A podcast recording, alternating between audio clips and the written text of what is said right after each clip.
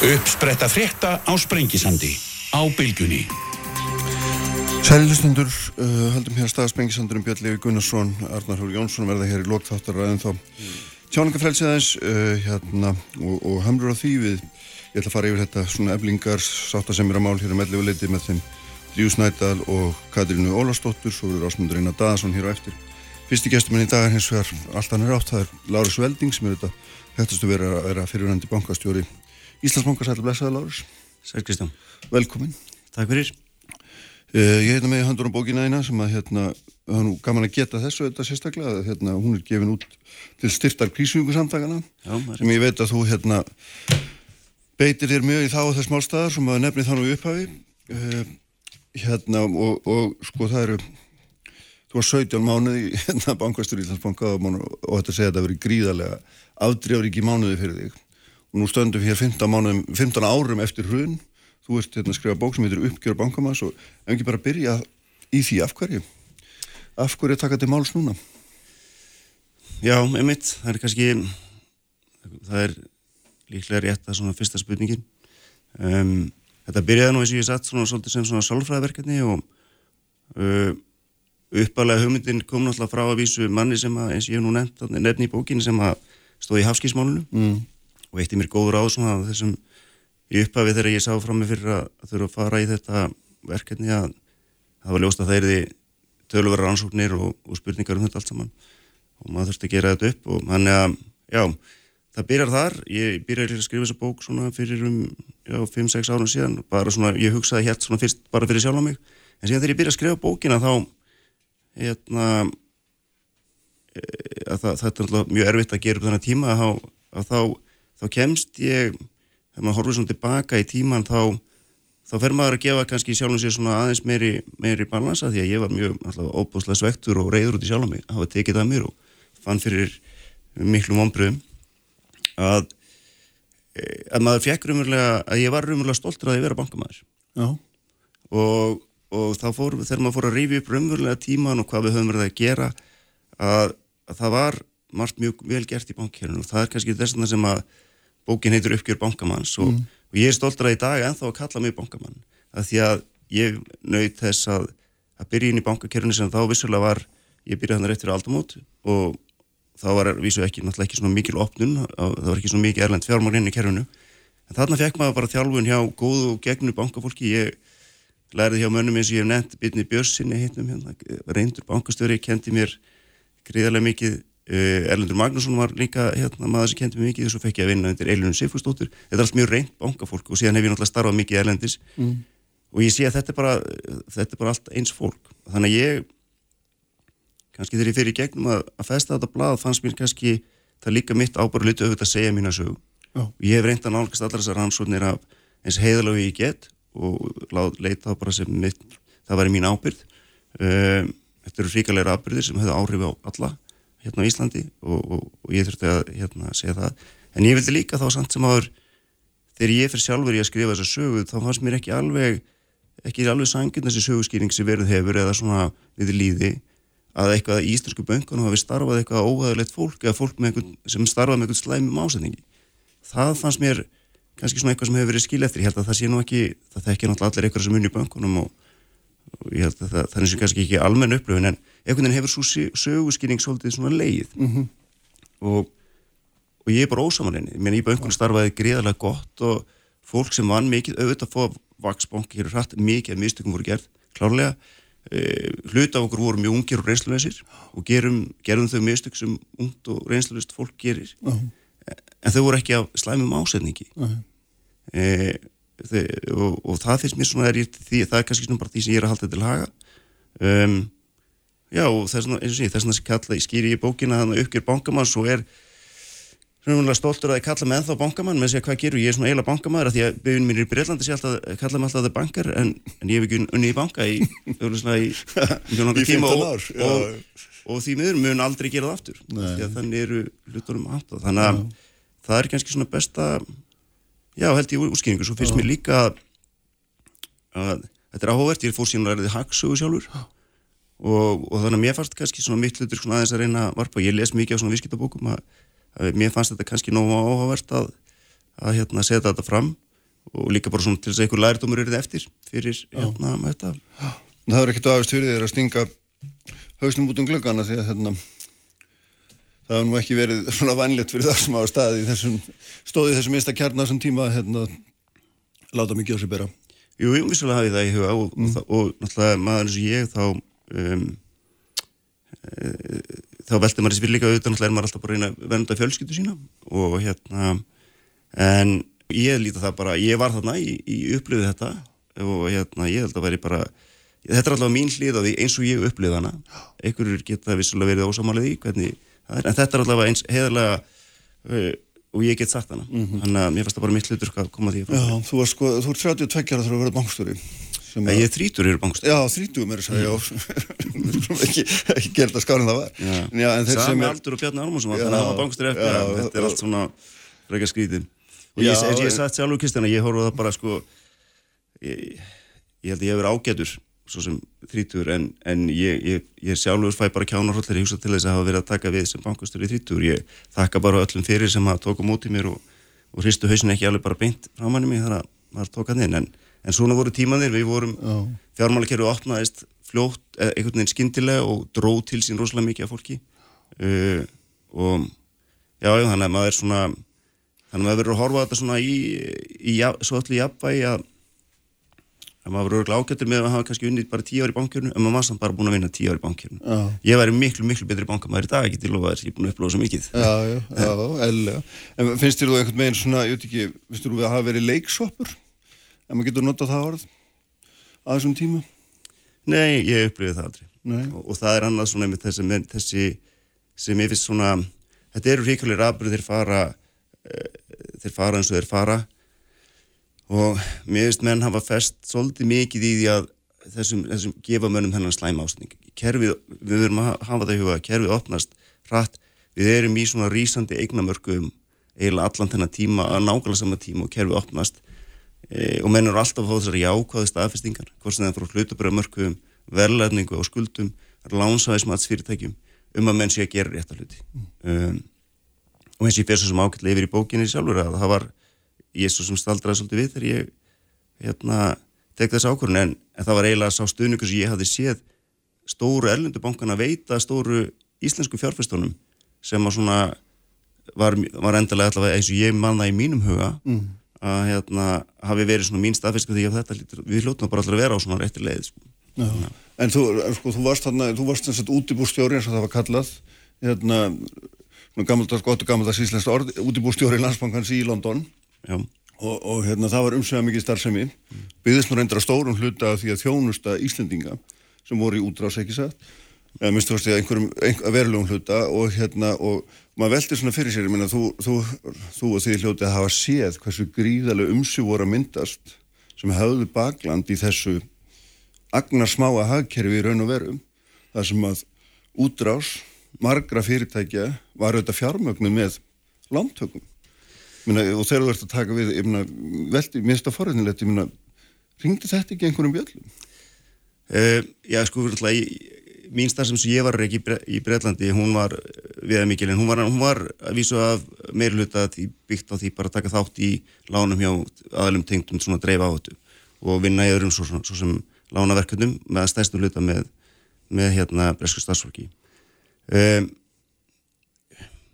Jú, jú, minna, eða, sá maður þetta fyrir eða hvað, ég get ekki satt í þessu eða fyrir, nei. nei. Um, það var raunverulega, og það mér með ekki glemja því að þessi stóru, uh, þessar stóru íslensku viðskiptarsamstefur sem voru til, það er nú ekki óalgengt að það verða til stóra viðskiptarsamstefur, þær eru að staða til. Mm -hmm.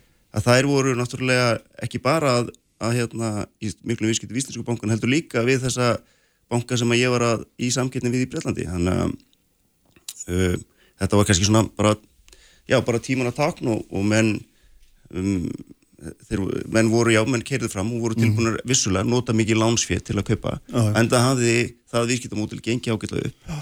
Uh, og, og já, og það, það er svona þetta var svona þetta ferli sem var í gangi. Ég, ég held samt að þessi sé ég held að með verið aðeins að gefa, með verið aðeins að horfa tilbaka hvernig svona andurslótti er í á þessum tíma það er, það er alltaf svona á, á réttir leið og, og hver ákvörðu sem henn taka, hún fylgir alltaf bara ekki dósið búið við sjáum núna um, eins og ef þú horfður bara tilbaka hvernig markaður á að þróast undarfærið mm. þannig að þeir ganga bara svona í þessum bylgjum Já. Þannig að það var ekkit svona ekkit, ekkit sem þú mannst eftir svona í þínum huga varandi þessa uppbyggingu, tengingar þessara stóru viðskiptablokka inn í eignarhaldið á böngum og svona sem að Nei, menna, ég, eins og ég segi í bókinu, Kristján, mm, menna, ég er fullkona sammála því að það er mjög óhæfilegt og, og ég held að við erum, erum gössalega búin að gera það fyrir það núna. Mm. að hérna, við sjáum það bara núna. Menna, lærdómur kemur bara frá því að sjá hlutina raungerast og, og það, hérna e, það er vissulega óhæfilegt að, að, að sko, einhverju sem eru stóri nótundur á fjármagnir að lánsfíð séu síðan stóri eigundur á bankinu. Mm algjörlega en ég hef haldið því fram að, að, að svona stórar viðskiptarsamstöpur þær verða alltaf stæstu í bankana því þær eru stæstu viðskiptarsamstöpunar uh. ég held að það hefur orðað hvort sem er voru eigundur í bankunum eða ekki uh -huh.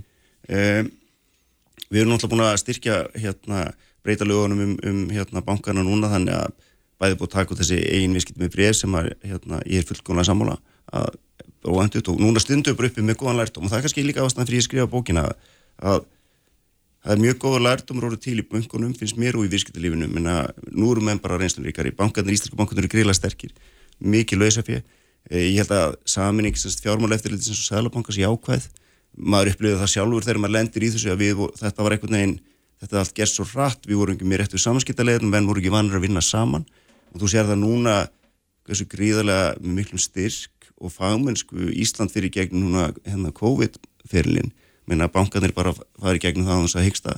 Og gott og, og, og, og gott samstaríkistóknar hérna Sælabanka og allra. Og þannig að mér finnst sko lærdomun hafa svona skil sér. Þar, ég skrifa svolítið bókina líka út af því að mér finnst þann allavega mínu upplöfun, nú er ég ekki lögmaður af réttarkerfun að, að, þetta var svolítið mjög skrítin upplöfun að fara í gegnum það, mm. að hafa unni vinnuna sína, vera að vinna hana og taka ákvarðanir, vissulega með ofta velja í mínu tilíki ofta að velja millir tvekja slemra kosta mm -hmm. en verandi aldrei náttúrulega gera neitt fyrir sjálf og alltaf reyna að taka besta ákvöruna með hópi fólks og upplöða það síðan mörgum áru síðar að, að vera síðan ásakaður og ákjærður og dæmdur fyrir að fremja eitthvað sem menn kvöldu umbúsug uh -huh. og það er eitthvað með skríti í því að, að hérna, finnst mér allavega að maður hafi ekki, þá allavega þarf lögfræðin á með viðskiptuna með vera öðruvísi eða lögin einhvern veginn vera skýrari hvernig við gáttum gert það því nú erum færistu lögfræðingar með okkur og öllum fundum. Hvernig við gátum, það er kannski það sem að mér finnst ekki alveg skýrt og ég er ekki alveg, ég er ekki alveg... Þú mennar þegar þið tókuð ákvarðinu þá eru færistu lögfræðingar inn á fundum sem sagði þetta er í lægi, en að mörgum ára setna er ákveðið tekið og snúið, er, er, er skiljið þér rétt? Já, og auðvitað er menna, þetta er náttúrulega svona, eh, þessar rannsóknir riðast að stað og svo fram með eins og menn vilja eh, fá okkur á niðurstöðu en mér finnst þessir tólkun umbásöka ákvæðisins í þessum dómum bara, ég er bara ósamalinn, ég er náttúrulega ekki hlutlaus í málunum, en hérna, en ég hef reynd að, þú veist, eftir fremsta megni, ég vona að þeir sem lesa bókina skilja, ég reyni að, það er bara mitt eðli, ég reyni bara að setja mig í, í, í spór þeirra sem að, að móti mér sita. Mér finnst þetta ekki í skýrtúrkun og mér finnst eins og við höfum einhvern veginn bara, þetta sé orðið skilis ofti mm -hmm. eftir óutskýrt og ég hver bara háskólana og nú eins og ég veiði miklum tíma mínum í Breitlandi þar er sem að við erum alltaf í þessu eh, hérna, þessu svona fórun að kennst það í sletti mm -hmm. hérna, umræðum ég, mér sakna þess á Íslandi ég sakna þess að við sem bara byrju tökum umræðan um þetta byrju, mm. ok, hvernig, á, hvernig er með þá að skilja þetta og ég held að það hefur verið mér finnst að það hefur verið skil eftir bara svolítið óljóðast mm. ennþá, þessi fórtæmi En þegar, sko, bókin er sagt, við getum skipt þessum svona kenningum í tvent svona bara í mjög grún dráttum þá er þetta annars verð þessi svo kallega hamfara kenning sem sem við segja sem er eitthvað meira svona utan að komandi aðstæð sem við réðum ekkert við og hérna og er augljóslega að hluta til skýringin og hinn hafi verið bara glannaskapur okkar sjálfur og, og þarna og þú svona, þú beinir sjónundaldi því að, að við höfum farið ránga leið til þess að gera þetta upp, þar að segja við höfum bara farið eftir einstaklingum mm. í staðin fyrir að skoða mm. hvað sé kerfið og, og hérna en hvernig neilega sko, þú veist, þegar menn eru menn eru ábyrðaræðilar og menn fá mjög háa fjárhæði borgar, ég meina þú fyrst 300 miljónur fyrir að skipta um vinnu, skilur, og hérna fólk spyr sér byrju, þeir sem fá svona mikið, þeir bera líka mjög mikla ábyrð og hvernig finnst þér þá eftir á að higgja að það sé rétt að menni þessa stöðu gangust við sinni ábyrgd, eiga þær bara að lappa í burtu og svo fyrir við bara að skoða kerfið eða hvernig myndur þú sjá það fyrir þig? Nei, bara, minna gott að minnast á það Kristján, minna að sjálfsög og ensi, ég hef ekkit að sjálfsög ber ég ábyrgd ég, Já, ég veit, ég veit þú tekur hann á þig, ég er ekki að menna það Jú, sko. ég tek hann allavega á mig, ég hef bara tekið ábyrgd öllum þeim störnum sem ég hef tekið af mér og, en ég fór náttúrulega mjög óhættur inn í þessar rannsóknir mm. og hérna að ég vissi að ég, að ég ásetningum minn var aldrei annað en góður. Og ég fyrir svo var ok, það er bara flott. Ég var mjög, ég var mjög, mjög, mjög leiðilegt að hversu vítt var farið, mjög ást að ósangjant mm. hversu margir almennir stafsmið bankana voru sóttir að augljóslega þurfti að rannsaka og, og þurfti við að sitja undir svörum við sem stýrðum bankunum ábyrnir mest okkar. Og ég, hérna, ég bara, þessi og ég segi í bókinu og ég treka hér ég, ég byrðist bara einnilega afsökunar á því að hafa ekki tekist að klára verkefnið. Mm. Um, ég gerði mynd allar besta en það, það, það, bara tókst ekki. Og ég var alltaf tilbúin að svara þessi spurningum. Um, ég bara ég held að við um svona ég, ég, ég er allavega ekki sammála þessari niðurstu og ég tel að við getum kannski lært all, bara öll sem samfélagins betur af þessu, ég er ekki að segja það er ekki mitt að segja hvort að dómundir sem réttir er ángir, það er dómarana. En ég, ég er allavega hveit eftir meira umræðan um mm -hmm. ég, ég, ég finnst að eins og ég sé, ég læriði síðan hagsögum og þegar maður læri hagsögum þá er maður alltaf að tala um hluti sem gerist fyrir 100 áru síðan og það er mjög áherslu, ég held að við möttum að tala miklu meira um þessi ár hérna. Ég held að á Íslandi höfum við eins og kannski eðlilega gerist lítið talað um árið alþjóðlegu fjármálakrísunar hér. E, það gleymist oft og ég minnist á það að, að sko Karlo Jannari skrifaði frábæra skýslu mm -hmm. fyrir hundi 13 ári yfir maður finska fjármálatsins ég man eftir að hafa átt mjög gott samtal yfir að samtal við höfunda. Hann lífur ekki okkur bankamann og bara bad banking. Mm. Eh, en líka slæma stefnur og, og, og, og hérna hann segir bad banking, bad policy, bad luck uh, og ég held að við, svo fyrir við í rannsóknarnefnd Alþingis og hún er uh, frábærlega klárt fólk og velmentað og grí, vinnur gríðarlega vinnu að skýra þessar skýslu hún séu mér nálægt í tíma, hún er rosalega viðfem við tegjum okkur mjög langt, alveg eins og í rannsóknarnefnd tegjum okkur alltaf langt. Uh, og hún, hún svo skýsla fjallar ekkert um alþjóðlegu fjármálugísuna ekki neitt eiginlega, hún fjallar bara um að velta sér upp úr lánabókum sem að bankana sem mm. hefur lítið með þessi mál að gera og svo er annað sem eins og, eins og hefur bent á að auðvitað er farið í þessi mál og allir þessi dómsmál ég held að allir sem að kanna þetta og ég held að Ólafur Þór og ég held að fræðum rannsóndandi myndi segja það líka að þó að ekki hefur verið komið til einna markasmísugunamála þó ekki hefur komið til þeirra mála sem síðan urðu þessi frægustu dómsmál sem mm. ég og aðra hefur setjum í þá er óhagkvæmulegt að segja að hér er þið samt orðið bankarhund með stær bankakerfisins þó það hefði verið 20% lægra af því að það frá aldamótum byggðist upp með þessari helsilu fjármögnun og þegar að koma að lókun mm -hmm. fristingu fjármálamarka þá, þá var engin aðgangur að því. Það var bara, það er ofjökamið allir bankar í heiminum þurftu aðstóð sína selabanka til þess að, sem voru með einhverja helsilu fjármögnun En er sko stærsta eign bankakerfisins og bankana er tröst og eitt af því sem að getur valdið vantröstu og gerir það auðvuslega er, er til með sem að markaðurinn fyrir að hérna, lækka vermaðsitt á þeim, hlutabröðverði fyrir að lækka. Og það er auðvitað hluta því sem er haldiðið fram að menn hafi vísvitandi haldið upp í hlutabröðverðinu í sjálfum sér, ekki satt? Og það hefur ég vel verið um á, langra hérna, um landskeið áður en þú kemur inn með þessu um hvað, hérna Er þetta að halda því fram að það sé bara algjör og lausulótti gripi? Að því þessi málu eru búin að fara í gegnum domskeri fram og tilbaka í, í öllum fyrirtækjónum, alltaf er saman niðurstaðan? Ég, eins og ég segi, ég er ósá, ég er til þessi rétt að, að hérna, lagabreitingin sem var orðið að, að það er alltaf klarlega óbyrgt að mann sjá það allir núna, að menn sé viðskipti með hérna, einbref. Eh, og það, ver, það verður svona, ég held að það verði sko e, alltaf, hérna kannski, hérna þegar, hérna á Brattarsæki, þá, þá er það bara hann að þegar ég byrja í bankakjörnum, þá eru bestu veðin sem að meiri sér af þessum reyndur lánafólki sem mm. maður, þá, þá maður alltaf spurur geta komið fastina með eða eða eitthvað breyfiböngum þannig að þetta var svona það sem myndi helst fá sem Já. veð. Mm -hmm. hluta breyfiböngum og, hérna, og þetta verður svona eitthvað sem að menn vilja bara einhvern veginn eiga með og, og, og svo, svo byrja bankaður að sísla mikið með þetta sjálfur um, ég tel að ásetningun hafi ég er ósamála þessum sögurskýringum um að ásetningun hafi alltaf verið eitthvað að halda upp í hluta breyfiböngum ég held að, að, að uppsetning kerfisins þar sem eru svona viðskipti með einn breyf algjörlega sammála mikla lántökur á móti bríðunum hérna, það er búa til vandamál þar sem að menn eru að alltaf að reyna að bregðast við ykkur stöðu sem uppikomin sem ég sé hann sjálfur lendi að þú eru að bregðast við Já. það sem út komin í slama stöðun eftir einhvern veginn að reyna en ástöðningunum þú eru fóst í hana var kannski ekki endilega uh, slæmur mm. Þannig að eftirmála þess hefðu þátt að vera hverjir ef að menn eru staðnir að þessu þó að ásetningurinn sé ekki Ég meina, menn er búin að ákveða þessi, ég tel að, að uh, ég er alltaf ósáttur við þann dóm sem ég fekk fyrir markasmjössugun, sérstaklega með mína aðkoma því. Uh, ég, en hensi, ég minna þetta mun ekki gerast aftur, það er búið að breyta lögunum mm. bankar mun ekki aftur eiga hlutafrið með hérna, viðskiptum með einn bref og kjarni málsins er sá, þó þú takir þessi fullkóna samanlega, þó þú takir það út og engin markastundkun hafa átt í stað mm. mennuðu keift og selt, engin hefði gert það og þessir eignarsfjölu hefði ekki verið partur á böngunum og þeir eru þú slútt að verið eitthvað aðeins minni þá án þess að þá er ég allavega samfarið fyrir mitt leiti að það hefði alltaf orðið hérna, bankandur hefði fallið er, á því að það hefði þurft að koma til stuðningur stærstu alþjóðlugu selabankan. Sko 2006 þá var svo köllu mínikrísa mm. og hérna þá svona byrjuðum við aðeins að vakna um vondan draum mm. og hérna og það er, það er svona mjög stað frólikt aðeins að spyrja út í það vegna að, að það er mjög mismöndi skoðan hvort það hafi verið hægt að gera eitthvað eftir það. Þetta var þetta döðadæmt eða var hægt að breyðast eitthvað við því þú nefnir mér hans í bókinu að, að hérna Uh, bankandir hefði þurft að vera djarfari að sækja sér eða fara í, í innlánarstarfsemi mm.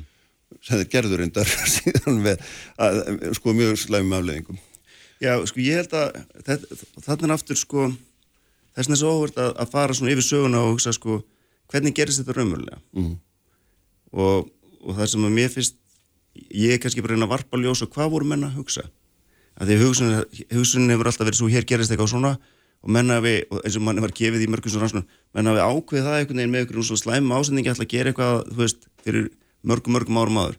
Þannig er bara ekki lífið, sko, menna þetta er bara, hlutinir gerast bara dag frá degi. Uh, og, jú, mínikrísan 2006, ég er svona svolítið að þeirri skoðun og ég held að það við, það var nú eitthvað verið skrifað um þá, ég held að rannsóknum þetta alþengis hafi sagt það líka að mm. það hefði kannski verið svona punktur sem að mennu þurfti að taka þá bara snúa við. En það er, það er fullkonlega óreinaft samt að segja það að því hvað gerist hérna eftir mínikrísunum en hún segir, heyrðu, það þarf að sklúa eignandi eftir menn gera það, alltaf það er það það er kannski að út lesa eitthvað skemmtilegt í söguna að alltaf Íslingar eru alltaf gríðilegir verkmenn mm. og, og, og hérna, hendur standa sko aldrei fram úr ermum, þannig að margt frábært var gert, mörg flott fyrirtæki voru keift e, og það menn leti ekki sýttir leikið þessu að, að það var glóða eignandi þess, það var gert. Það var farið í innlánsöfnun ekki ósipað og heldsölu innan eins og margir svona samkennisaðalar bankan í útlundum voru að gera. Og það gekk gríðarlega vel. Og svo standa með fram fyrir því upp á ást 2007 að mennir að konu með hæstu lánsafinsengum mm. við verðum að vera svolítið rauna og það er svolítið erfitt fyrir kannski ykkur hérna, þá sem er að stýra bankan, nú var ég ekki að stýra bankan hana og ég var bara í, í útubúinu að, að segja að, að, að það er eitthvað bankstjóð að segja hérna eftir krísunum og tjóðsæk, já, herðu nú er nú bara rétt að skilja allt niður og pakka bara í vörð en þá eru, að því markað nú er ennþá að flegi ferði ári viðbútt mm. Það er bara þannig eru bara markaðir. Já. Þannig að það var erfitt að lesa út úr því annað en bara Já, ég veit, unnsi, við erum að velta þessu það er nú gott að, að taka svona umræð um þetta. Ég minna að veltum þessu en ég sé bara það er, það alltaf auðvitað að vera vittur á eins og ég sé í, í heimi virkitana eins og Buffett saði þá er sko hérna frambrúðan sko hérna, þá er það bara baksínspeilin sem gefur skýra sín frambrúðan er alltaf móðu sko Já Sko eitt af því sem þú ræðir ekkert um í bókinni, uh, ég man ekki allavega til þess að þú gerir, er hlutskipti almennings sem að var í ískiptum um banka og mista alls eitt. Mm. Akkur ekki? Já, ég, ég er nú ekki alveg saman á því, ég, ég, ég kem inn og ég hef notaði tækifæri til þess að fyrir mitt leiti beðast ásökunar á, því að hafa ekki tekist að, að stýra bankanum í gegnum þetta. Um, og svo verður bara alltaf að horfast yfir það að ég, ég er bara fallin frá, fyrst farin frá þessu mm -hmm. oktober 2008 og, og síðan fyrir við gegnum hérna, þetta uppbyggjum tímpil en ég, ég held samt sem ára íslningar í helsinni getur verið mjög stoltir að því hvað auðvitað, þú voru hræðilega erfið í tímar og ég finn fyrir mikilvæg sankend fyrir því sem að fólk lendi í menna að við getum samt verið mjög þakklátt fyrir þeim sem að stýrðu þessu. Það er líku fyrir þú að horfa á þetta núna að að setningin eðalega náðu greiðilega hagkvæm, greiðilega mikilvæg rástuð og jákvæð. Og, og í svona hagsólu tiliti eitt svona stærsti svona mikilvæg afbröðun og síðan aftur samningarinn sem náðustu kröfu að hafa núna 2015-16 þannig að úr þessu rís hagkerfið á, á mjög góðan hátt. Ég held að já ég held að eh, hvernig síðan var unnur auðvitað voru þetta gríðarlega óreiða ríkalegur afbröður gríðarlega óreiða og ég ég hef engan ekki sett mér sérstaklega inn eða skilning á því sérstaklega hvernig fór með alla þessa dóma með eh, gengislán og ekki gengislán og svo frammeir. Það er, það er ljóst að öll lönd gangi í gegnum að prófa stundum. Þú sér það í sögu fjármáluna að, að prófa að vera með svona gengislán og, og oftast er það ekki, mm. ekki góð hugmynd og hérna en ég held að allir lutaðum þessu sem reynd að greina úr þessu eftir bestu getu mm. uh, og, og við erum allavega, allavega stendur landi í dag á frábærnum stað mm. Sko þegar maður hérna, hugsa til þess að þú ert 30 ára þú ert hérna ráðbankstjóri og maður aðeins fara í það aftur og, og það hefur náttúrulega verið uppi mikla rættur um það að þú hafið raun og verið ekki stýrt bankanum heldur hafið hún verið stýrt undan á bæ og, og hérna og þú við kynni sjálfur og þú hafið reynslulus og það er bara eins og staðan er, það er bara fakta. Meina, hvernig horfir á þetta? hvernig horfir á þetta núna?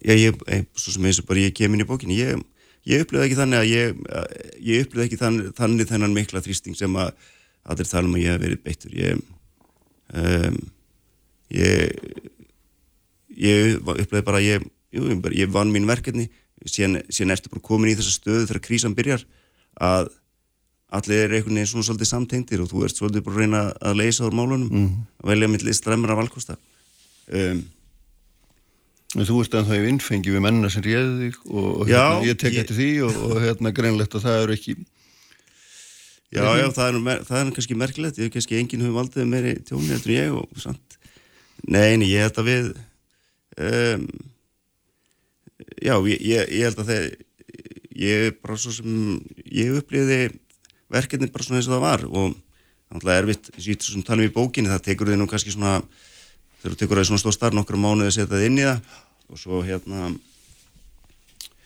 e, svo ferur svona aðeins á tökum á því og þá var ég bara, ég, ég, ég fekk þrjá mánuði það sem þetta var eitthvað, svo erum við bara konur í krísu og engin veit hvað er að gerast og, og bara forsendur forsendur allra ákvarðana eru náttúrulega bara einhvern veginn að gjör breytast hratt og, og menn, menn það er, auðvitað er mjög öruð að horfa í baksinni segil en eins og segi, mjög skilt segja, óalega voruð vilt sér að gera allt saman. Mm -hmm. og það er bara kannski erlegt að það er það eru dýbri lærdum rann og það er kannski hans ég reyna að, að koma framfæri. Og eins og við sjáum ég fannst mjög áhugverð þegar við fyrir mig gerum hérna COVID-verlin þannig að og, og það er bara eftir Kristján þú nú fjölmjölamæður og fylgist vel með hvernig þetta er að gerast og menn, menn byrja og segja, já, hér kemur þetta svo kemur, svo, hérna, hér kemur þetta mun gangi í viðbúlu menn er alltaf að gefa sér þetta ástandi munir lagast. Mm -hmm. ef, að, ef að í mars 2020 þú hefur sagt, herru nú þarf bara að loka landinu henni tvö ára því þessi fyrirlum taka þann tíma þess að gangi yfir allan heiminn. Þetta er ekkit, ósvið bara aðeins það er svona krísur komið upp og það sér enginn fram á við hvað er að gerast. Menn eru alltaf bara að bregðast við dag frá degi. Ég held að ég, sé, ég er ekki að gera lít úr mín ábyrðið að því og er að reyna að varpa ljósins bil og ég geta og hvað maður ég læra þessu öllu saman. En til þess að horfa á þetta svona í sögulitiliti þá verður að setja því aðstæðinu hvernig það er að vera dag frá degi í krísu. Mm -hmm. það er já, það er, er áhuga að vera lífsinsla og það er hérna við þurfum að fara að loka þessu en, en sko uppgjörinu af dómskjöru því er ekki en ekki lokið í raun og verum og verður sannlega ekki lokið fyrir enn 2025 svo, Já ég sko ég er búið með jú, ég er svo sem lokið mínu hérna uppgjörið við íslenska dómskjöru það var síðasti dómur fjall í mínu máli 2020 í, og, og hérna en ég er með mál fyrir MD eh, mannhættadónstólunum já, fyrir mannhættadónstólunum það sem að ég var mjög ósattur við niðurstöði í þessu stímálun sem er umbóðsökamáli og hérna þannig að við svona sjáum til hvernig það fer vonandi kemur það kannski bara aftur fyrir en, en jú, ég, ég, ég er mitt líka ákvað að skrifa bókina því ég var komin meins langt og ég gæti íslenska rættakjörunum við hefum eftir að fara í þetta mannhættadónstólsmál allt saman. Já, nákvæmlega. En jú, það er, en því minn ljúkast að skilurspund og dónus ég vekk þá 2025, þá var það 17 ár liðinn frá því að Eitt ár fyrir hvern mánuð. Já, þannig að það var allavega að ljósta að ég átt að taka ykkur mikið lærtum frá þessu og ég kannski bara minnháttur en að skilja honum áfram. Já, Þetta er hérna dýrleksin eins og kallað er Já, já, það, það við fáum allar ykkur verkefni í lífinum að vera bara nálgast þau eins faglega maður getur. Lárus, bestu þakki fyrir að koma. Takk fyrir ekki Ásmundur Einar Daðarsson er hérna eftir augnablík Sprengisandur á bylgjunni alla sunnundasmórna Jæja, Ásmundur Einar, velkomin til mín enn og aftur. Uh, Langar að ræða kannski við þig hérna nokkuð mála ef við höfum tíma en, en byrjum á þessari, þessari miklu framkvæmd í þóttöðlinni sem að hérna uh, á að kosta einhverja tæpa 15 miljardar samkvæmt nýjum áallunum taka 8600 manns í sæti og það sem að vekunum aðdekli fyrst öllu er að þessi, færir, þessi áform eru stærri heldur en nokkuð maður hafði nefn að vera beðið um því mann eftir að Körbóltsamöndi og handbóltsamöndi í sínu viltust dröymi vildu 6.000 manna höll nú ætli að trompa upp með 8.600 útskýru nú hverju þetta að vera svona stórt. Já, ég held sko að, að, að það sem að uh, sko, það þarf eiginlega að fara eins í bara vinnulegið og aðdragandan í þessu hvernig þetta hefur verið uh, unnið vegna þess að það var verið að velta fyrir sér ímsum stærðum og sviðsmyndum og, og annars líkt og verið í umræðinni þegar við skrifum myndi vilja yfirlýsingu hérna vortögum og þá var hugsunin svo að fara í svona frumatuguna á þessu verkefni. Mm. Eh, svona eins konar þarfagreiningu kalla til alla aðila eh, fá alla aðila borðinu ríkjóborg og vinna það og, og, og koma svo með þessa skýslu sem að, sem að núna var kynnt og er svona það sem við ætlum síðan að vinna út frá. eh, Gunnar Einarsson bæjastur í Garðabæ leiti þessa vinnu eða þessa nefnd sem að ég voru fulltrúar allra ráðanit eða þeirra ráðanda sem í hlut borgarinnar, íþróttalífsins, stór ráðgjafa hópur Eh, það sem gerir síðan er að þessi hópur fer, fer á stað og, og, og Gunnar leiðir þetta af, mm. já, miklum krafti skulum við segja. Fóru meðlans og skoðuðu mannverki Erlendis í Þrándheimi og í, í Danmörku áttu góða vinnufundi með öllum sérsamböndum gerðu góða greiningar á því sem að lítur að lítur að íþróttafélagunum eða borg, borgin íþróttafélagunum hér í lögadalunum, skólunum og þeirri þörfum sem þar eru. Eh, síðan verður niðurstan að leggja til í rauninni e, þetta þessa sviðsmynd mm -hmm. stafar kannski að einhverju leita af því eins og, eins og uh, hefur verið, var skipt út á fundurum einhverju leita af því að talsverður hluti af stúkonum eru framdraganlegar þannig að við erum að ná fjórum völlum uh, þegar að helmingurinn af stúkonum eru rauninni dregnar inn þannig að sæta fjöldin sem slíkur það kannski ekki hægt að draga álíktanir á stærð verkefni sem svo út frá því heldur er það uppbyggingin á mm -hmm. uppbyggingin á stúkonum og vellinum og mannverkinu sko. var talað um þannig að, jú það held ég að sé vorum talað um 8 miljardar síðast í vor sko já það held ég að sé að einhver leiti líka bara 15 áðurlaðara stað já ég held samt sem áður mm. má, sko þarf að taka það uh, taka það og það voru nú arkitektar núna og forsvarsmenn í arkitekt og hönnun voru að fagna því hvernig þetta verkefni væri lagt upp vegna þess að uh, eh, áallun sem þarna er, ég held að hún sé svona ríflega áalluð, en það er líka verið að uh, reikna með því að það sé farið í svona útbós uh, hönnunar útbóð sem er svona öðruvísi nálgun heldur en að menn hafa verið að fara í þess að hefur verið bóðið út og svo koma aukaverk og svo framvegis, það er ætlun að fara þarna í Uh, hönnun rútbáð það sem auglist verður eftir teimum sem sett verða saman síðan verður sami við, uh, rætt við þessi teimi þau fari í keppni, síðan verður ákveð að semja veitt teim og þá verði endarlegt verð uh, fengið í, í alla, alla liði mm.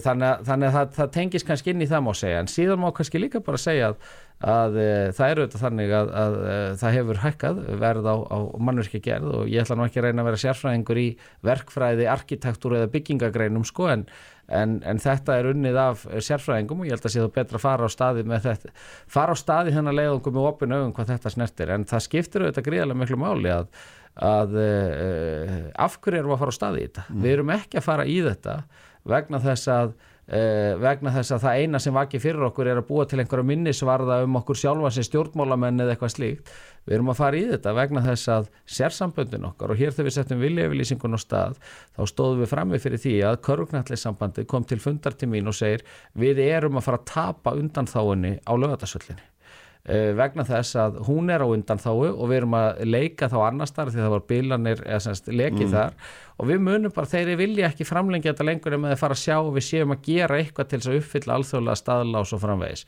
Það sama við um handknallegin uh, og ég held að ég held að ef við horfum á bara Evrópumóti sem nú var að ljúka þó við hefðum nú viljað að því væri ekki að ljúka fyrir núna um helgina uh, að þá held ég að það væri mjög það er mjög erfitt að ætla sér að gera kröfur á liðin okkar uh, að standa sig á alþjóðlegum vettvangi ef að við erum síðan ekki að standa okkur í aðbúnaði sem að þarf til þess að liðin okkar geti æft hér, leikið hér, keft hér. Og við sjáum að þetta er ekki bara kappleikinir, þetta eru líka æfingarnar hjá yngri landsliðum ég þekki það eigandi dóttur sem er í, í uh, svona á leiðinu upp stegan það er verið að betla tíma hér og þar í húsum uh, Allt þetta er að leysa fyrir miklu, miklu minni tilkostnað það, veistu, nú maður þetta vel líka sjálfur ekki sett. Jú, en ef þú, ætlar að, ef þú ætlar að taka, ef þú ætlar að ná því sem að lítur að, ef þú ætlar að ná því sem að lítur að uh, alþjóðlegu kröfunum að því, að þá held ég að það að fara í slík, slíka þjóðarhöll hafi verið líkillin að því. Enda hefur það verið á dasgrá ekki bara þessar ríkistjórnar, heldur fyrir ríkistjórnar, dasgrá allra stjórnmálaflokka þegar við sáum það í vor uh, að, að uh, einhverju töld að það væri komið svona, uh, menn ætlaði ekki að fara kraft í þetta þegar vorum að setja þessa uh, vinn á stað, Heru, þá, þá hoppuð upp fulltróðar allra flokka í þinginu Uh, spurðu mig í óundirbúnum fór í sérstakar umræður hvað væri að frétta þessu verkefni. Þannig að við sjáum það íþróttarhefingin hefur öll verið sammálað þetta líka. Þannig ég vil nú meina að það sé nokkuð breið samstaða uh. á hinnu pólitíska sviði hvort sem er innan íþrótta eða landsmála eða borgar. Það var líka gaggrind í vor af fulltrúum uh, allra flokka akkur borgin væri ekki að stíga kraft inn í þetta. Uh. þannig að ég vil nú meina að það sé ótrúlega breyður pólitísku stöðningur við þetta. En það er alveg rétt, þetta er kostnæðarsamt mannverki en við erum líka að leggja á staði þetta ferðalega ekki til 10 ára heldur til 50 til 60 ára vegna þess að þetta mannverki á að geta nýst uh, uh, á að geta nýst vonandi verið ég komin hinum Undir græna, undir græna þegar, að, þegar að þetta mannverki hættir að nýtast sko. Já, hérna, sko, það er náttúrulega nokkur atriði sem er, eru áhugaverð hérna, í þessu samingi og svona vekja eh, kannski svona mann til umhugsunar í fyrsta lagi þetta að hérna í vor þegar þú stegst fram að miklum krafti með nákvæmlega rétt fyrir sveitastónarkostningar og skrifaður upp á mjög flottan kostningatekka sem að virkaði greinlega mjög vel hittir Reykjavík þá saði borgin við erum til í leggja þetta 2 miljardar eða við 8 miljardar kostnað. Í dag er kostnaðurinn nærmast tvöfalt herri er borgin ennþá á sama stað vegna síðan til að heldur blagamannafundi núna síðast þá er fjármálaróþrann líkil maðurinn sem er búin að vera í miðju öllar umræðanar um uppbyggingu íþróttamannskja í lögadalunum í öllu ár sem hann hefur verið fjármálaróþra hann er fjárverandi hann veit ekkert hver á að borga, hver á að reka hvernig á að fjármagn og svo frams eða svo segir hann allavega sjálfur. Og svo er þriði punktur sem ég er mjög áhugaverð að nefna við líka fyrir örfa á mánuðum síðan var farmaðurinn hér í þessum þætti og sagði alveg skýrt þetta er eitt af þeim verkefnum sem verður að býða nú legg ég þetta þrengt fyrir því Já, það sem, að, uh, það sem þarna er er að uh, þegar við skrifum undir viljavilýsinguna þá voru einhverju sem töluðum það að, að það væri ekki hægt að skrifa undir viljavilýsinguna nema framhefði farið frumatögun mm. uh, síðan þegar frumatögunin kemur sem er auðvitað grunnurinn líka á því hvernig kostnæðaskiptingin verður það er að segja frumatögun, það er að segja hva, hvernig mannvirki þurfum eins og við rættum hér áðan, mm. hver þarf þörfin að vera, hver er nýting begja aðila, mm. sérsambandana, skólana, íþróttalífsins og mögulega þá uh, annara eftir aðtökum eða farið verður í samstarfið síningahöllina einhverju leiti. Uh, uh, þessi vinna þurftu öll að eiga sér stað þannig að við erum bara að vinna þetta skref fyrir skref. Og ég sagði það líka þegar var verið að gaggrina það að væri ekki fjármagn og fjármálráð þeirra tók undir það, það hefur verið bara góð samskipt okkar á milli mm. þessu máli. Uh, tók undir það, ég, ég þyrti ekki nema ákveðnu upp að til að standa ströym af þessum kostnaði, það er að segja ráða til okkar verkfræðinga vinnu við að mm. undirbúa þessa vinnu, sagði þetta við síðu gerð síðustu fjármáláallinar, vegna þess að það lægi ekki fyrir hvað þörf við þyrtum, ég man ekki, mér minnir ég að við meirins að sagt að einhvern tíman í þætti hjá þér þar sem við tókum þetta sko. vera, uh, það sem gerist síðan er að nú erum við komið með þessa skýslu og eins og þú segir hver upphæðin er sem þarf nú erum við að uh, forma það betur. Það er, komið, það er samtali gangi núna milli uh, ríkis og borgar um kostnæðaskiptingun á þessu.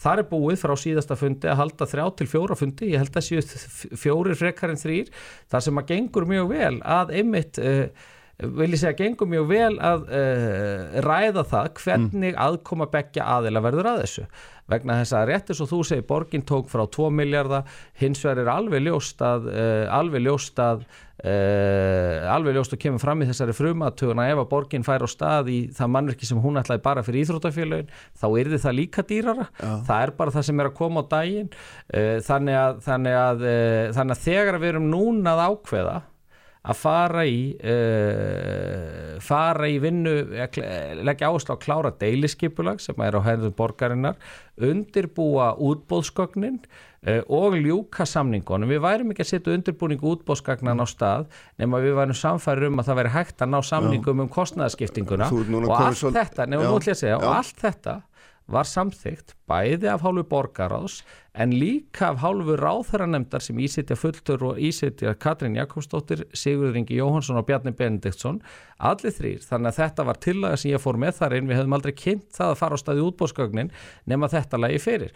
Og gagvart mínu formanni vil ég nú segja það eru, það eru fáir sem að hvetja mig jafn kraftmikið áfram ja, eins og einmitt hann í þessu máli. En svo heyrði alveg hvað hann sagði þegar við vorum að tala um þetta í, hérna, í að tala um hérna, að þetta hérna, dempa aðeins hraðan í hækirinn og svo framvegis. En þeir eru ekki að fara á stað á þessu ári í framkvæmdina sjálf að megin þungin verður á þarnast ári Já, en þú, hérna, en sko, fyrsta leið, ertu svona, svona fara ansið yfir þetta aftur vegna þess að borgin, er, er þú út að segja mér að hún sé tilbúin að leggja inn meiri peningeldur hún er áðursagt, það hafi komið fram í þessum samtölu Ég, borgin væri ekki í samtali við okkur. Mm -hmm. uh, Viljavillisingi sem við skrifum undir miða að því að við ætluðum okkur í þetta mannvirki, ætluðum mm -hmm. að setja þessa frumatögun á stað og kostnæðaskiptingin myndi vera út frá notkun og þörfum hvers og eins. Mm -hmm síðan stígum við næsta skref, samþykjum það að fara í útbósvinnuna, fara í samningana, þá eru við auðvitað líka að leggja það svolítið á borðið, heyrðu þetta er aðeins öðruvís sem við lögum upp með. Þess vegna fórum við í frumatuguna, þess vegna erum við að vinna þetta svona skref fyrir skref, mm -hmm. það er að því að þegar þú ferði í svona stórt mannverki eins og þú lístir rétti láðan, risastórt mannverki, risastóra framkvæmt, þjóðarhöll sem á að nýtast þángu til að bæði ég og þú verðum konur til græna torfu þá ertu aldrei með öll svörin nákvæmlega upphafi. Þess vegna ertu að vinna þetta jamt og þjætt og það er það sem við erum að gera og það er mitt hlutverk sem ráð þeirra íþróttamála að skapa íþróttunum þá umgjörð að þær geti bæði keft hér, æft hér og fylgja því skref fyrir skref og tala við all aðeil og ég hef bara verið að segja það að, að það uh, hefur bara myndast uh, bara gott tröst inn í framkvæmdanemdini uh, milli aðila í stýrihópnum það sem ísettu fulltrúi fjármálaráðanitis uh, fulltrúi fórsettisráðanitis og svo minn fulltrúi. Gunnar Einarsson er að gera þetta gríðalega vel og þeir aðila sem eru þar er inni. Þannig að ég hef ekki Eh, ég hef enga ástæðu til þess að ætla annað en á næstu, eh, en, já, á næstu vikum að þá munum við fara að sjá glitta í samkómulag á milli ríkis og borgar hvað þetta snertir mm -hmm. vegna þess að það skinni allir ábyrð sína það skinni allir ábyrð sína í því bæði þegar kemur á sérsamböndunum en líka borgin þegar kemur á skólunum og, og íþróttalífinu hér í Laugardal að það er gríðarlega mikið að við lagt að við náum saman um þetta það er ekki það er ekki það, það er ekki niðurstaða sem neitt getur lifað við að við förum að sjá landsliðin okkar í körfugnattleik og handknattleik komast hér á Evrópumót og eh, heimsmestaramót en get ekki leikið heimaleiki á Ísland og þurfa að flytja þá til færi það er svo sem heldur engin að byggja um það en við erum alltaf að velta fyrir okkur hvernig við getum nota krónunar og öyrana sem best. En er þið komin að eitthvað áfram með þessa kostnarskipningu það er búin að vera, búin að vera störu keppni um það ekki bara í höllinni, heldur líka í, á þjóðarleikongi knaspinu í sennilega 15 árið eitthvað svo liðið sem það hvernig hérna, að mistústi tíu hvernig það... þessu fyrirkomulegi er verið að hátta og þá kvarta mann mjög yfir því hvað ríkið er í raun og veru hundlélegt að leggja íþróttum til fjármagna á Íslandi. Þetta er alltaf herðum sveitafélagana ríkið hefur verið mjög slagt en núna þegar að hérna, setja pening í steipu þá er allir, allir vasar opnir en þegar það er rekstur sem að er miklu stærri hluti Já, ég... þá er allt lokað Sko, það er auðvitað þannig að þegar kemur að íþróttalífinu að það er bara hár rétt hjá þér að ríki þarf að stíga fastar inn þegar kemur að afriks íþróttunum okkar. Vegna þess að uh, þetta gerist ekki að sjálfu sér það að Ísland komist á uh, leika eins og þá sem við vorum uh, að leika á núna í handbóltanum það er gríðarlega mikilvægt fyrir yngri, yngri flokkastarfa við séum að öflugt afriks íþróttafólk allt hangir þetta saman líðhelsan og það er bara mm. marg sanna hversu miklu þetta skiptir það er auðvitað þannig að sveitafélagin eru með íþróttastarfið og íþróttamannvirkin í hér að en ríkið hefur verið með afriks íþróttinnar og það er einmitt út frá því sem ég er að fylgja þessu svona fast á eftir.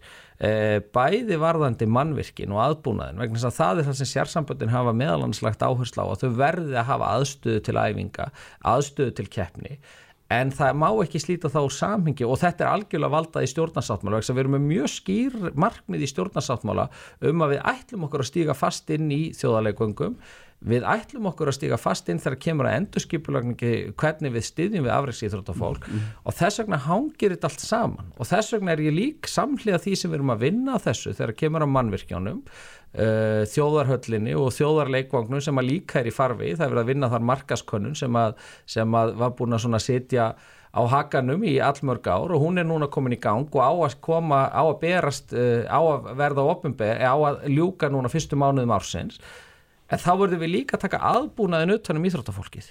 Hvernig ætlum við að, ætlum við að vinna það? Hvernig ætlum við að styðja við ungt fólk sem að er að velja sér það hvort það ætlar að halda áfram í íþróttum eða, eh, eða feta einhver aðra braut í lífinu? Hvernig samtunar það við nám? Hvernig samtunar önnur réttindi, sjúkratryggingum, fæðingarorlofi við afreiksíþróttinnar og samhliða þessu að þá laði ég fram í ríkistjórn tillögu það við færum í heildar endurskoðuna mm -hmm. þessu sem líka sem að uh, alþingi hefur líka kallað eftir uh, heildar endur skoðun á þessu uh, settum upp sérstaklega stýrihóp sem myndi vinna núna fram á næsta haust í tillugum að lagabreitingum auknum stuðningsaðgerðum sem við getum síðan tekið og metið ákvæðlöngu tíma við getum innlegt út, innlegt út frá fjárhag. Og í þessa vinnu í samstarfi Íþrótt Ólíupauðsamband Íslands fengum við Vjestein Hafsteinsson til þess að leiða og við gengum frá samningum það núnandi Gautaborg. Um, sem að hefur, uh, vil ég segja er, það eru fáir íslendikar sem hafa jafnmikla reynslu af uh, þjálfun afreiks íþróttafólks, ekki bara í einu tveimur og jafnveg þreimur löndum að þjálfar ársins árið 2000, í Svíþjóð árið 2021 hann er að flytja núna heim til Íslands á vordögum, mm -hmm. mun bæði taka að sér að verða afreikstjóri í ESI en mun fyrsta eina og halva árið eina til tvö árin, mm. starfa nánast í fullu starfi í menta- og bandamálaráðanendinu við að forma þessar aðgerðir, við að leiða þessa vinnu, við að koma fram með tillögur um þetta og við reiknum með því að svona á höstugum næstu að þá munir þessar tillögur koma fram og við getum þá lagt, lagt til handa við lagabreitingar um, um aðbúnaðin hvað þetta snertir. Að því að að ég er þér algjörlega sammálinn um það að við þurfum að stíga fastar inn þegar kemur afreiks íþróttunum. Uh, við erum að gera það og það var markmið meðal annars, hefur verið markmið mitt í ráðandi menta og barnamála að íþróttirnar fái þann sess sem það er sannarlega eiga skilið og nú er ég ekki að gaggrína alla sem hafa verið fyrir, mm -hmm. heldur þurfum við að stíga fastar inn. Mér hefur fundist að í þessari reyfingu sem að er stærsta sjálfbúðarlega reyfing landsins, sem að er besta forverðnin fyrir börnin okkar, að við þurfum að vera miklu koma að stíga miklu fastar inn þegar kemur á þessu og, uh, og, og það er ég að vinna dag frá degi. Þess vegna er ég að þrýsta fast á þjóðarhöllina þó að einhverju segja heyru það er mikil kostnaður við þetta uh, akkur er verið að ganga svona hratt Þess vegna erum við líka að stíga fast þegar kemur afræðs í þróttunum og svo þurfum við að stíga fast inn þegar kemur að jáðarsettum hópum badna uh, sem ekki er að ná að taka þátt í íþróttum og snýst ekki einverðungum fjármagn heldur líka félagslegar aðstæður, uh, börna verlendum uppruna. Við sáum mm. það því að ég var í félagsmálaráðunitin og settum auka fjármagn inn í tómstundastyrk badna til tekjulára heimila, vildum ná sérstaklega til þessara badna, þau skiluðu sér ekki þó að það væri nóg fjármakt til staða ah, þannig að þetta eru atriðin og, og, og, og sem að, uh, sem að uh, ég ætla að leggja áherslu á og erum byrjuð að gera og þess vegna erum við að íta svona fast á eftir þessum verkefnum. Mm. En það er, tölum aðeins líka um tímaáallinu vegna þess að hérna, borgarstjóri saði nú meðal annars og ég held að mjög margir aðeins að þetta var mjög bratt, er það lagt upp með þetta hérna Uh, þess að svona halvt ár síðan að, að, hérna, að hún var kynnt og við ætlum að klára þetta 2025 og nú er 2022 liðið 2023 komið vel að stað og það er ekki búið að setja hérna, eina lína á blad en þá það er að segja, við erum ekki byrjað að teikna við erum ekki byrjað að bjóða út það þarf vantilega að bjóða út á Európska efnarsvæðin allt saman, nei, þetta er rísastór framkvæmt, akkur ekki? Uh, Sko, uh, tímalínan er djörf uh, og, og, og Uh, og ég hef sagt það að það þarf alltaf að ganga upp til þess að hún gangi upp. Uh, það væri samt sérstakt ef að stjórnmálamadur sem að væri að vinna síðan að uh, tillögum í samstarfi íþróttir sem eru keppnisgrein mm. sett ekki upp djarvar tímalínur uh, gerð ekki kröfur til sjálfsýns og gerð ekki kröfur til allra aðeila um að stiga fast fram við höfum hingað til erum við að halda tíma áallin en ég hef sagt að það þarf alltaf ganga upp. Deiliskypulaði er núna komið á stað. Ef að það klárast núna á vordögum mm það mun skipta miklu máli. Þannig að tímalínan hefur hingað til gengið upp. Það var sagt um mig þegar skrifum undir viljefylýsingu að, að frumatugun geti aldrei verið tilbúin á svona stuttum tíma. Við erum búin að kynna hana. Mm. það sem að, það sem, en það þarf alltaf ganga upp í þessu til þess að þetta uh, gangi uh, eftir.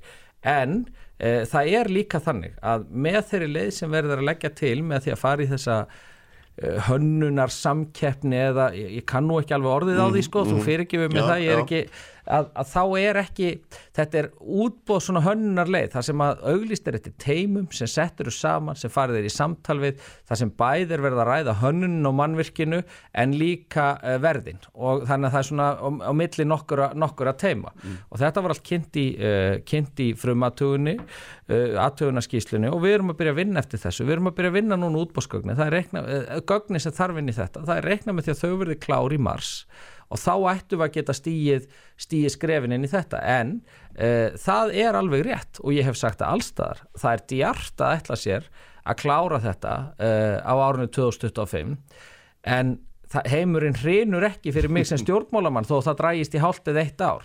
En við viljum setja okkur metnaðafull markmið fyrir íþróttirnar uh, og ég veit að borgin er það líka bara fyrir íbúa í Laugardal, fyrir íþróttafélagin í Laugardal og, og við ætlum að gera það sem við getum til að standa þá tíma á ætlun uh, en svo verður bara komið í ljós hvort ég sitt hér eftir kannski ára og segja, heyrðu hún er aðeins byrjað að reyðlast en hún er ekki byrjað að reyðlast núna.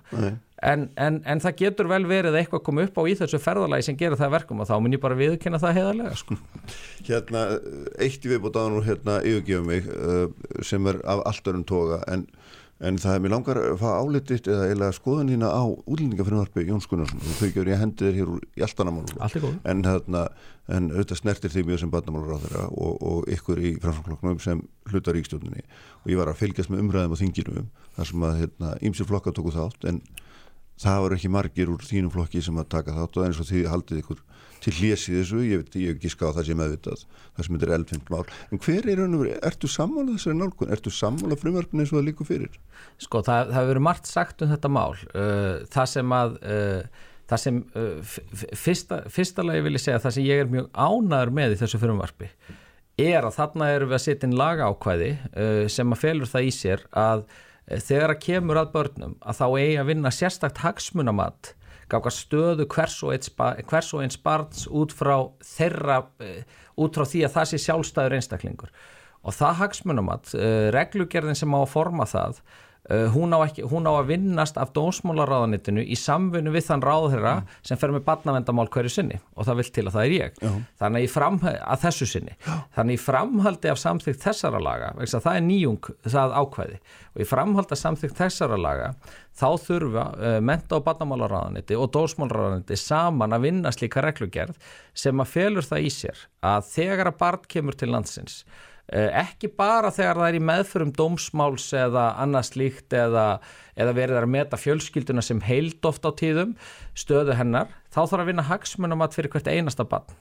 Eh, sjálfstætt út frá stöðu þess hver er réttindi þess út frá barnasáttmála saminuðu þjóðana og það er í raunni verkfærið sem að þarf að vera til staðar til þess að við séum að gæta hagsmunum barna. Mm. Þannig að það er það sem ég hef lagt áherslu á.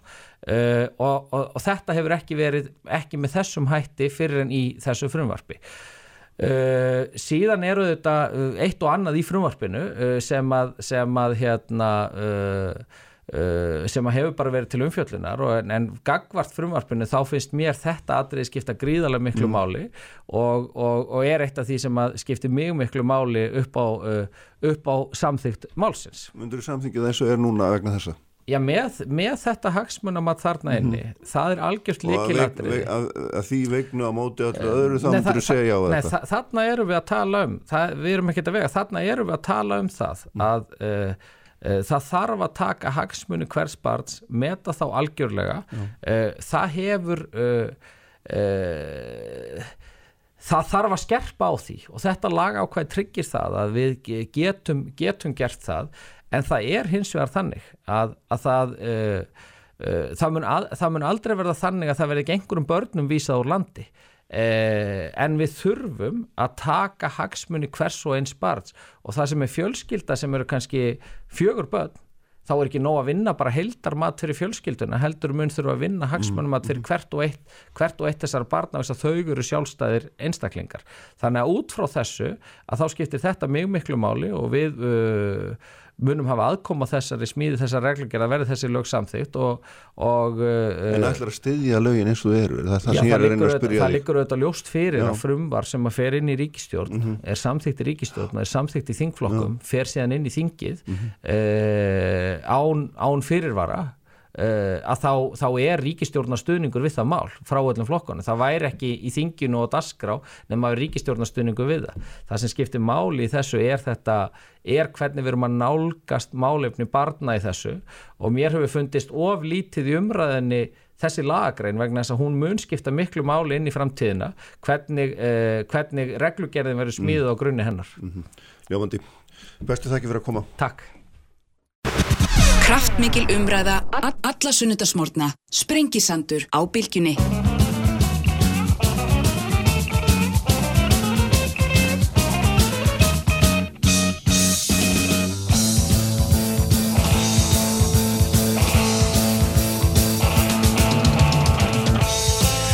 Sæli eftir hlustundur, uh, Ásmundur Einar, farin frá mitt aðarsson, uh, þeir verða hérna á eftir Björnlegu Gunnarsson og Arnur Þór Jónsson ætlum að ræða þá um tjáningafrelsi þær eru hins vegar sestarinn að Drífa Snædal og Katrín Ólastóttir Drífa þetta fyrirhandi fórsti Alþjóðsambandsins og Katrín dósund við Háskólinni Reykjavík sérfræðingur á um málum við vinnumarkaðar særa báðar. Velkomnar varsinnis eh, þú maður ræða þessa deilu um milli, já ég veit ekki milli eða hverra. Eh, þessi, þessa deilu um milli samtak aðunlýsins og eblingar sem síðan satt sæmir einhvern veginn hleyft í Já, hún var nú ekki erfið fyrir þá, hún stórðir erfið núna þegar hann laði fram miðluna til að drífa hérna sem að hérna fann nú fyrir brjóstu öllum eða hvernig metur þú að þínir röngur einslu þessa stöðu og hvað gerist næst og svo framvegis? Já, eh, ég hef svolítið erfitt með að hérna áttamæði hvað gerist næst en, en afleðingar af þessari miðlunantilu og þessi miðlunantilu er í rauninni eh, mjög gróf valdbeiting mm -hmm. af því að það er nánast ómögulegt að hafna henni miða við kostningaþáttöku í fjölugum eins og eblingu að þá, þá er hún að því að það þarf sko aukin meiri hluta til þess að hafnenni, annars er hún samþygt. Uh, eh, Ríkisáta sem er náttúrulega veit þetta, uh, þannig að hann hefur beitt þessu valdi uh, mjög meðvitað. Svo ég fabuleira aðeins og nú mm. getur tala svona frjálsarheldur. Já, já, já, já að hérna, þá held ég að ríkisáttarsemjari hafi metið stöðuna sem svo að, að hann vilji útvika heimildi ríkisáttarsemjara. Ég held að uh, það sé engum e, blöðum um það að fletta að hann hefur áhuga á því uh, og þessi gjörð sínir það.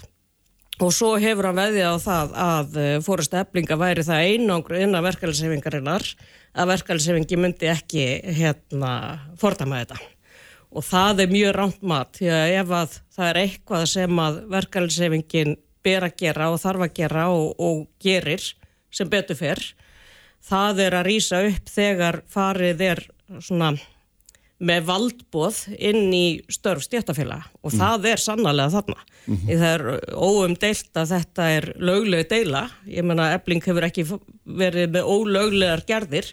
Þau meiga alveg gera þetta að hérna stefna 280 manns í verkvall uh, sákvæmt vinnulögjöfinni uh, og hérna uh, en hins vegar er, er viðfengjalegt hversu mikið samráð á að hafa og það eru lögfrængar sem er að dýfa sér ofan í lögskýringagögnin þar og, já, og allt það en, en ég menna að ég, sko, ríkisáttar sem er hefði mótt vita að viðbröðun yrðu mjög hörð mm. og verkefnisefik og Íslandi getur ekkit annað heldur en að bregðast mjög hart við að því ef það er búið að nota þetta kjarnósku vopn sem hann býr yfir einu sinni mm.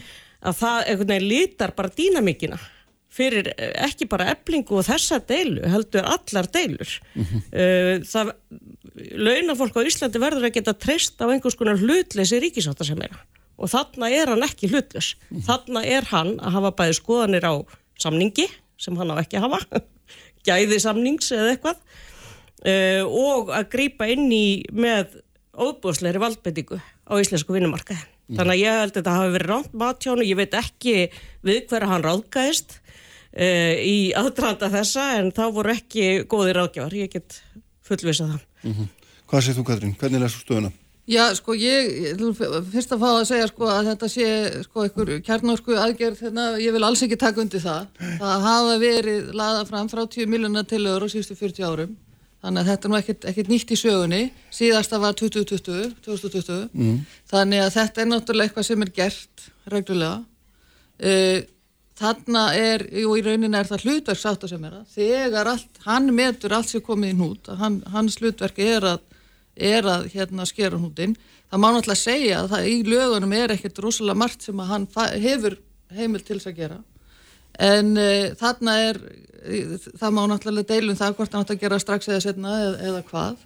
Það er náttúrulega eitthvað sem að, að er vitt verður að svara.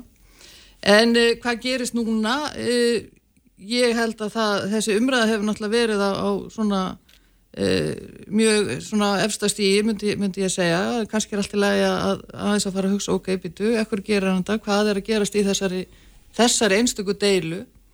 Uh, hvað gerist næst? Nú það verða væntalega kostningar það er, það er verið kostið um þessa um þessa miðlunatilögu og uh, það er jú rétt að það er erfitt að hafna miðlunatilögu en þeim hefur verið að hafna af þessum 30 skiptum, 10 sinum eða 11 sinum þannig að, að það er alveg hægt að, hafna.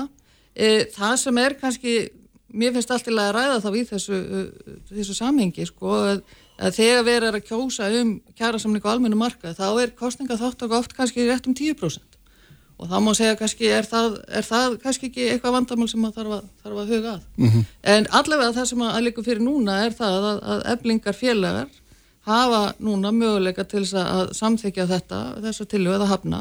Nú ef henni verður hafna, nú þá verður bara að halda áfram að reyna á samningum, það er ekkert öðruvísi. Nei, þetta er náttúrulega, myndur ekki fallast á að þetta væri yngripp? Þetta er sjálfsög yngripp, þetta er mm. stærsta yngripp sem að hægt er að gera inn á kjærasæðina og þetta gera með nekka ganni sínu. Nei, nei, ég átta með því.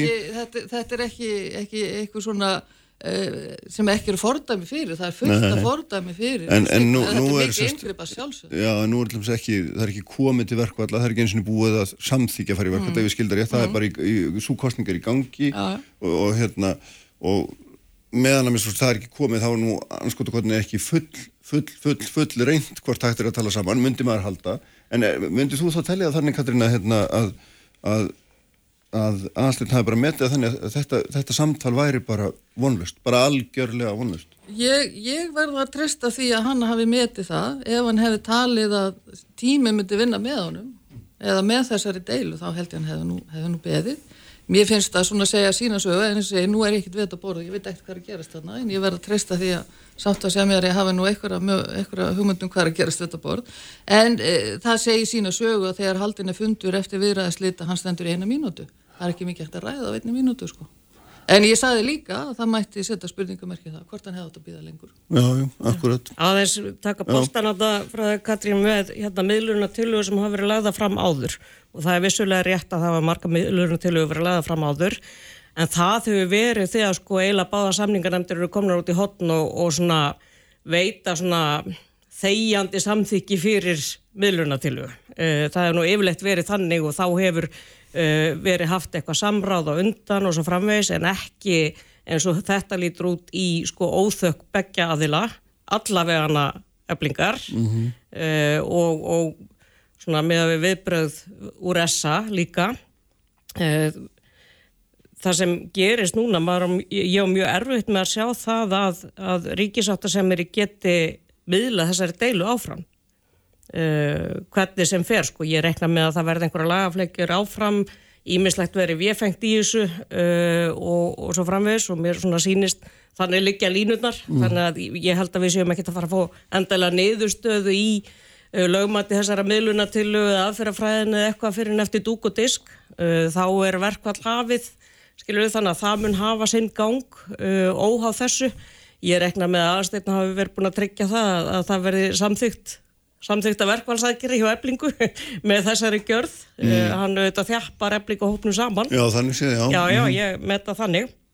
Uh, þannig að ég, ég er ekki nokkur vafa um að þau munu samþykja þessar verkvælsækirir uh, eh, ef að þau hafna ema þá er hægt að skella skuldinu á ríkisátta sem er að líka þannig að hann er í mjög erfiðri stöðu þar. Mm. mun hann geta ef að- miðlað áfram deilum fórastu eblingar inn í karpúsinu eftir ár eða, eða hvenar Uh, þannig að ég, sko, afleðingin af þessari gjörð, svona félagslega afleðing er bara uh, laskatröst til ríkisáttasemjara Mhm. aukin harka á vinnumarkaði uh, og er hún nú alveg hérna nú- svo litil fyrir. Já, en nú, Og- sit, nú situr hann með þessum hópum og búin að hitta þau oft. Mm, og hans mat á stöðunni þetta er yfirvöðamaður minna, hans mat á stöðunni er bara þetta þetta er algjörlega gagsleis og samtal þú segir, hann er hérna aðstættur yfirvegað maður og hefur gert mjög margt gott. Og ég vil bara hérna taka það fram hérna þegar hann sko byrtir hérna kjara samninga á vefnum er að halda utan á betur upplýsingamilun og svo framvegs, við gert það afskaplega vel. Þess vegna finnst mér þetta svolítið úr karakter en, fyrir hann. en finnst þér ekki líklegt að, að, að, að það er eitthvað sem rekur hann í þetta getur ekki Já, já, hann er, hætti- er örglega ekki öfundsverið hlutverki hana. Þetta er erfið deila.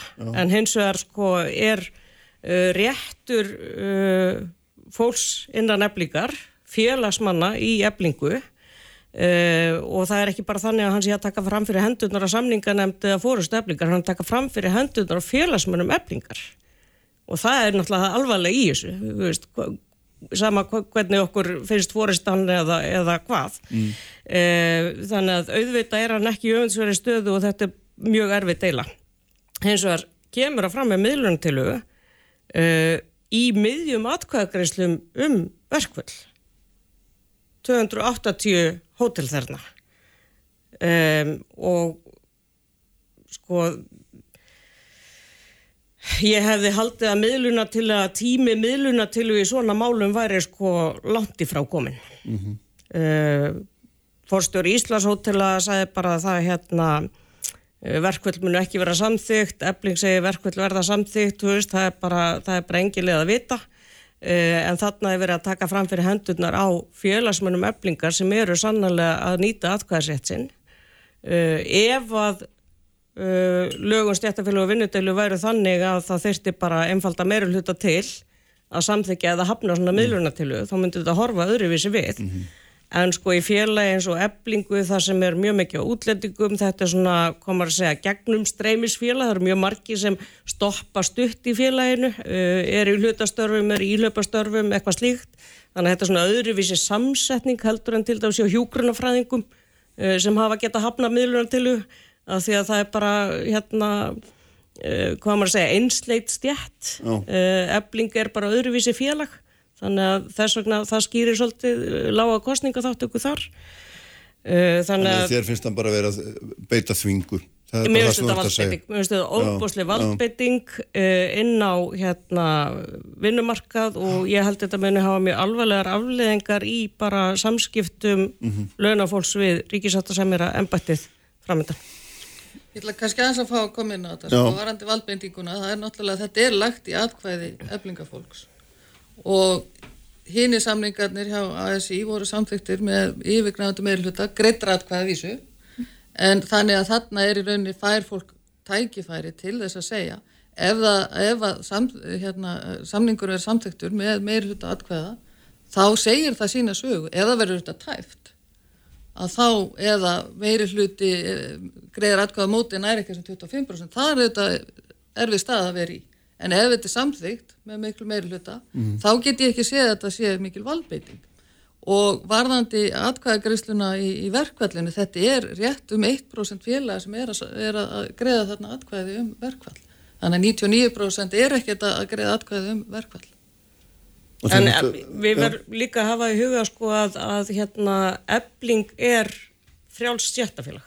Ebling er stjættafélag með félagsmenn, með kjósa sína fóristu, það eru félagslega leiðir innan eblingar ef að félagsmenn eru mjög ósattir og það eru fjölmarga leiðir þannig að svona, sko þetta er í rauninni inngrip inn í það, það er félagslegu leiðir sem þarf að fara af því að núna liggur einhvern veginn hlutar sæðli að uh, svona eða svona svífur yfir vötnum að félagsmenninan eblingar séu ósátt um að fá ekki að greiða atkvæða með þessu samningi.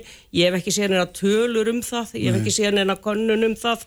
Það er svona verið að gefa sér það uh, ef að félagsfólk í eblingu er mjög ósátt við hvert fórustan er að fara að þá eru félagslega leiðir til þess að, að hérna knýja á um félagsfund og, og hérna og bara kjósa nýja fórustu ef því er að skipta Eh, þannig að það er, það er ekki bara verið að grýpa inn í sko kjaradeilu heldur verið að grýpa inn í uh, eh, nöðsynlegt félagafrelsi innan, innan stjættafélaga mm.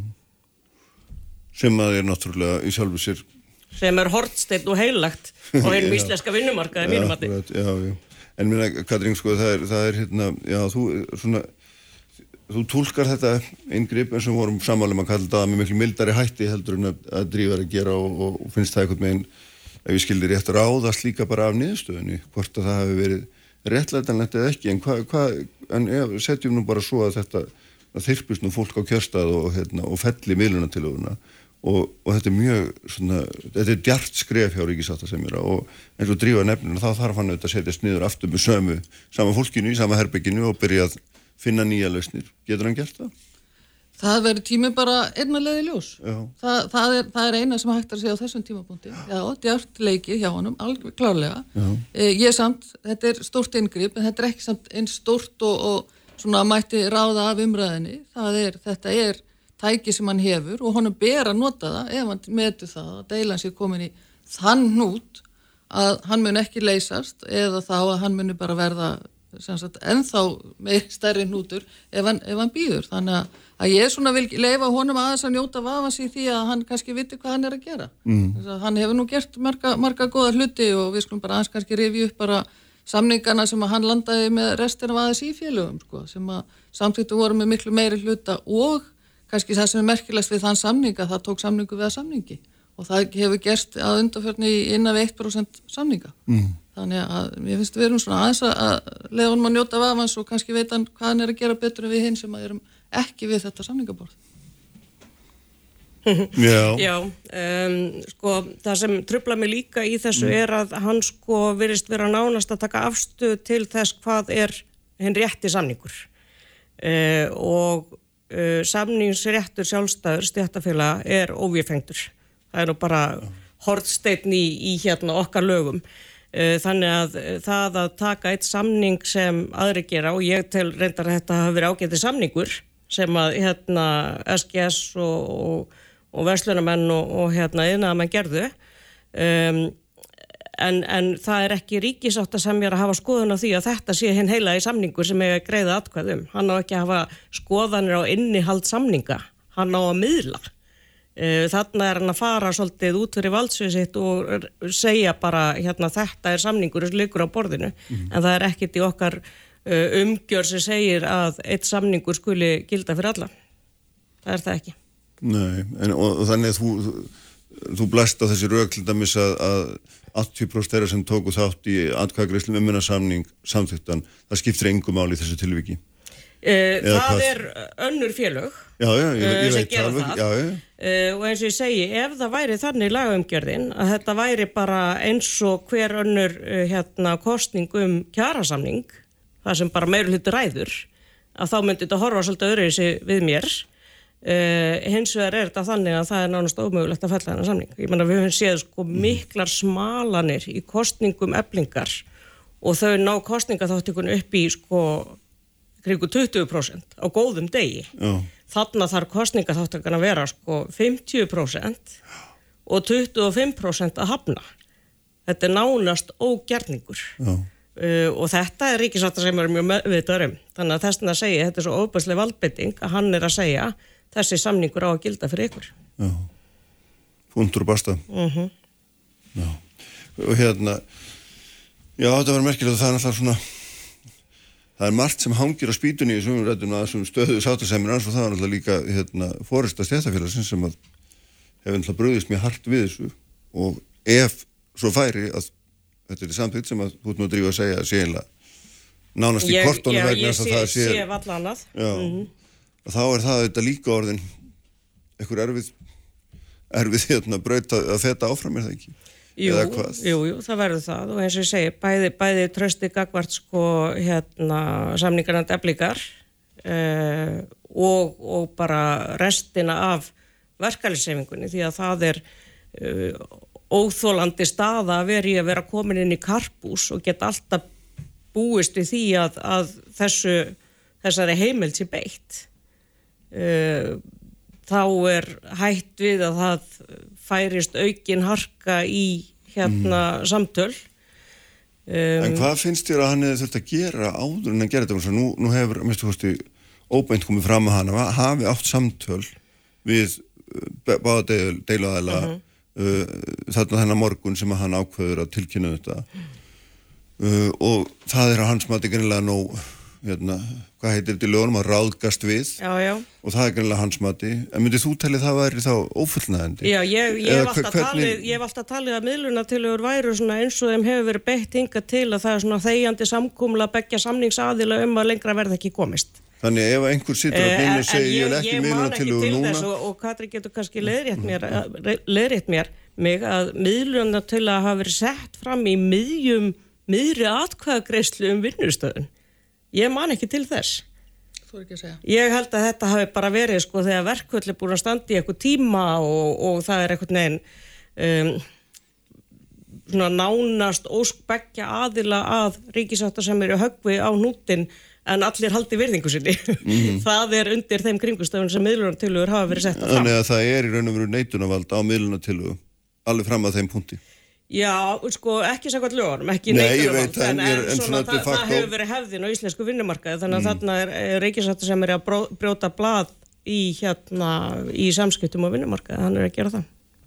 Hefða nátt að fara frekar í það sem er, er ekki eitthvað, það er ég held að sé rétt orð innan hús til það sem er eitthvað svona sem sirkulerar hann innan dyr og, og hann er svona að þreyfa fyrir sér en kannski bara var hann Já, sko, hefðan, hefðan það, það var náttúrulega möguleiki fyrir hann. Hvað hefði verið gert með þá miðluna til, nei, innanhústilu, henni hefði verið hafnað um leið. Það, það finnst mér líka algjörlega ljóst fyrir að það hefði aldrei gengið upp, sko. Og það sem að sátta sem er hefur sagt í þessu að það er, hann þekki eða það er ekki fordæmi fyrir því hvar þessi deila er.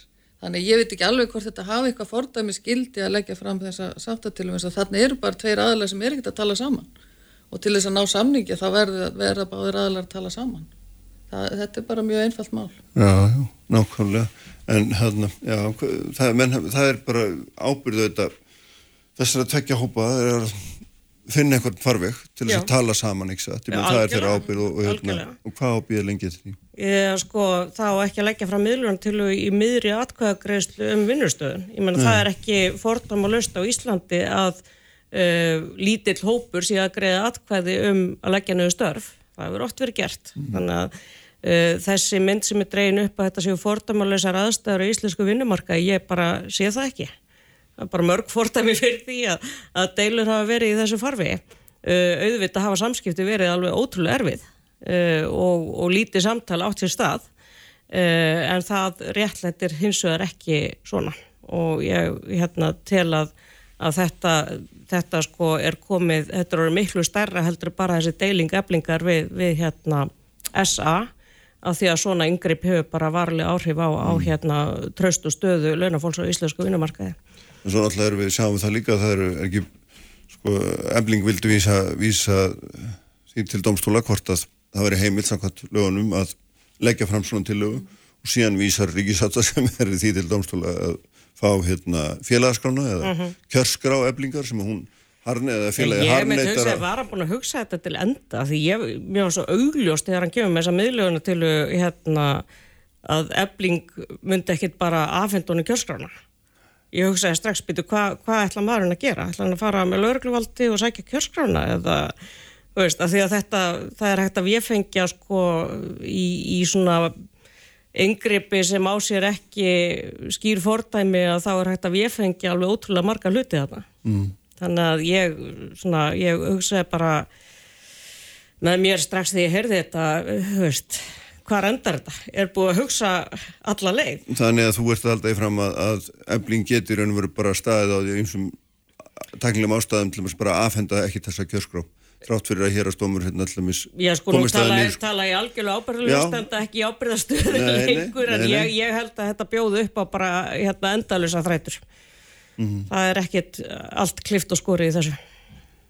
Hvað segir þú um þetta Katrín? Getur, er, Sko það, það, þú veist, það er ímsar hefður og vennir á íslensku vinnumarkaði og, og svona, menn það har verið svona óskriðu lög og óskriða reglur og svona mm. sem að flestir hafa farið eftir hinga til. Nú erum við með stöðu þar sem að slíkt hefur verið sett spurningamerki við sem er alveg eðlegt og það er ekkert, ekkert að því.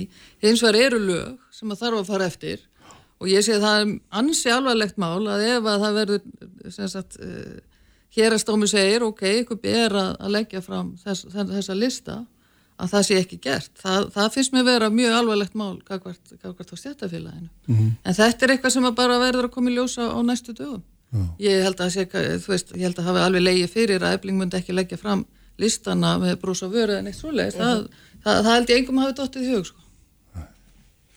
Nákvæmlega, herðu ég held kannski við komast ekki mikið engra en það er svo mörgum margt að þessu hérna til, við mörga þessu til eitt og annar loði svar. Eins og, mm -hmm.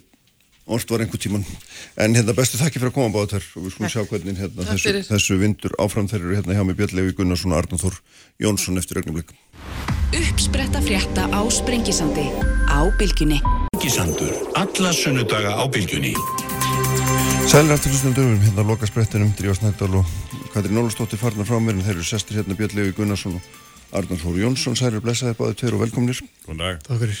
Þegar báði fjalla tölvöld mikið um veistu, þarna, það er svona til merkilegt að það er, skulle verið umræðin núna þegar það eru, hvað maður að segja, leiðir til tjáningar eru fleiri heldur en nokkur sinni, að þá er því um leið haldið fram að tjáningaflegi sé að mörgan hatt skorði settar, kannski meir en maður heldur og ég ætla bara að byrja, byrja að opna með ykkur hérna, uh, er, stafar einhver hætta að tjáningaflegsinu? Má ég byrja það? Hérna? Já. Já, ég, ég hef sko, ég var á fundi núna í síðustu viku, svona opnum almennum fundi og ég myndi segja að ég hafi eiginlega orðið fyrir hugljóminn þar. Mm -hmm. og ég, ég ætla að fá að deila því hér með þér og hlustendum að sko, hinn, hinn, sko líðræðishefðin okkar miðar að því og, og all, sko frjálslind líðræðishefði að því hald, borgararnir haldi valdin í skefjum. Stjórnarskráin okkar miðar þessu. Það sem ég held að sé að gerast er að þetta er að snúast við og í rauninni það er að verða vatnaskil í þeim uh, skilningi að það er, núna snýst þetta ekki lengur um það að við séum að verja, verjast sko ríkisvaldinu, heldur er ríkisvaldið komið þann ham að það er að reyna verja sig akkvært borgurinn og ég lít svo á að þetta, þessar hugmyndir í þessari þingsáleiktuna til fórsættisráðara séu ángi af þessu meiði. Það vart að tala um það að allir ríkistarsmenn eða ofnverðistarsmenn eigi að fara á námskiðum Ekki. Já og þjappa sko orðræðu og hugsun okkar inn í eitthvað kassa sem að fer gegn öllu sem að ég tel að sé bara mannlegt eðli. Við erum hugsandi verur sem þurfum að geta tjáð okkur og uh, orð eru, og ég veit það ágætlega sem bara lögfræðingur og, og orðin 50 og, og þið veitu all, orð eru margræð og allt það, ég var bara að hlusta í útvarpinu hérna að leiðina orðið du hast með Ramstein og það byrjar du hast, du hast, du hast mich og það er ekki fyrir henni miðju lægi sem að það kemur fram að þú hast mikið fragt og hérna við verum að gefa fólki sko sveigrum til að orða högsanir sínar og, mm -hmm. og, hérna, og vettvang til þess og því miður held ég að við Íslandingar við þurfum að vinna svolítið betur í þess og hjálpa fólki til tjáningar og, og til, til hlustunar og svona mm -hmm. Hvað segir þú Björnlegu? Þið pýratar hafa nú mikið barist fyrir og það er eitt af grunnadriðum píratana þegar þið komuð inn, það var málfröðsig, tjáningafröðsig, opinett, hvað þetta heitir allt saman. Algjörlega, að verja er unni já, aukningu málfrælsins á netinu gagvart bara njóstnum hins ofinbera sem að eh, stóð til bara með, þátt að verja hérna eh, höfundarettin emitt með bara allsæra njóstnum mm. þá voru við bara, nei, nei, það, það, það gengur ekki, það, það er innrás í engalíf, friðelg engalífs og ég er sko á þeim nótum að, að á svipanátt og, og artnæðina það er vissulega verið að reyna að herja á tjáningafrælsið sérstaklega af þeim aðalum sem að hafa haft stjórn á því hinga til. Hafa haft sko runni, erum við svona ákveðna hvaðna hliðvörslu gagvar því hvað, hvaða tjáning er, er, er í bóði en núna eru all, allt og allir eh, með sinn bara lúður geta, það er allstaðar eru götuhort sem að fólk getur staðið á kassa og sagt sína skoðun. Þannig að tjáningafrælsið er rauninni meira og, og betra heldur en nokkru sinni fyrr en það líkar það ekki allum. Og þar erum við að berjast við hansi rauninni bara stór öll þegar allt um til alls. Sem eru hver? Já, mörg og, og margvísleg. Eh, þau sem að eh, oft vilja einmitt uh, nýta styrk sinn ápsitt eins og, og ríkistjórnuna oft til þess að stjórna því hverjar skoðanir fólks, hvaða skoðanir fólk fær. Við sáum það í Cambridge Analytica málinu til dæmis að þar var bara búið að fara í rosalega miklar greiningar á því hvernig átt að breyta skoðunum hillar þjóðar til þess að hafa áhrif á niðurstöður kostninga. Þar erum við tímanlust í hættu með tjóningafræðsið. Mm. Að það er hægt að hafa áhrif á skoðanir hillar þjóðar á miklu aðgengilegri hátt núna heldur en var áður með já, merkilega nýjum aðferðum sem við erum enn að vennjast. Mm. -hmm. Má, ég skjóta inn í þetta að það er nú gaman að geta verið svona sammála bytni í því sem hann er að segja að sko Edvard Bernays var sýstu svona Sigmund Freud mm -hmm. og mhm. frægumæður og hefur verið nefndu sem hugsalega hættulegast maður 2000-aldar hann, hann sæði til dæmis svo sem stjórnar almenningsálutinu hann stýrir sagt, valdatauðmánum og það sem að ég hef ágjör af er að uh, fjölmiðlar og uh, ríkisvaldið bæði hér og í öðrum, öðrum ríkjum, séu núna komin í eina sæng um það að reyna að stýra almenningsálitinu. Og það er til dæmis gert með skoðanakonunum og skoðanamótun.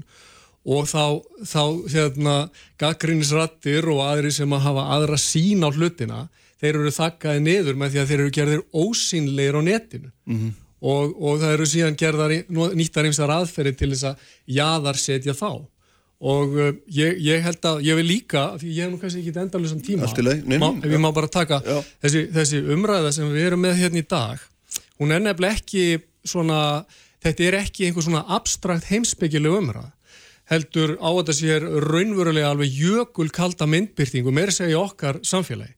Og uh, þessi haturs orðaði sem hefur verið mikið áhuga mál hjá embættismönnum hér á landi og hjá stjórnmálamönnum, mikið tala um þetta á þinginu líka, að þegar til kastana kemur þá gengur ekki eitt yfir alla.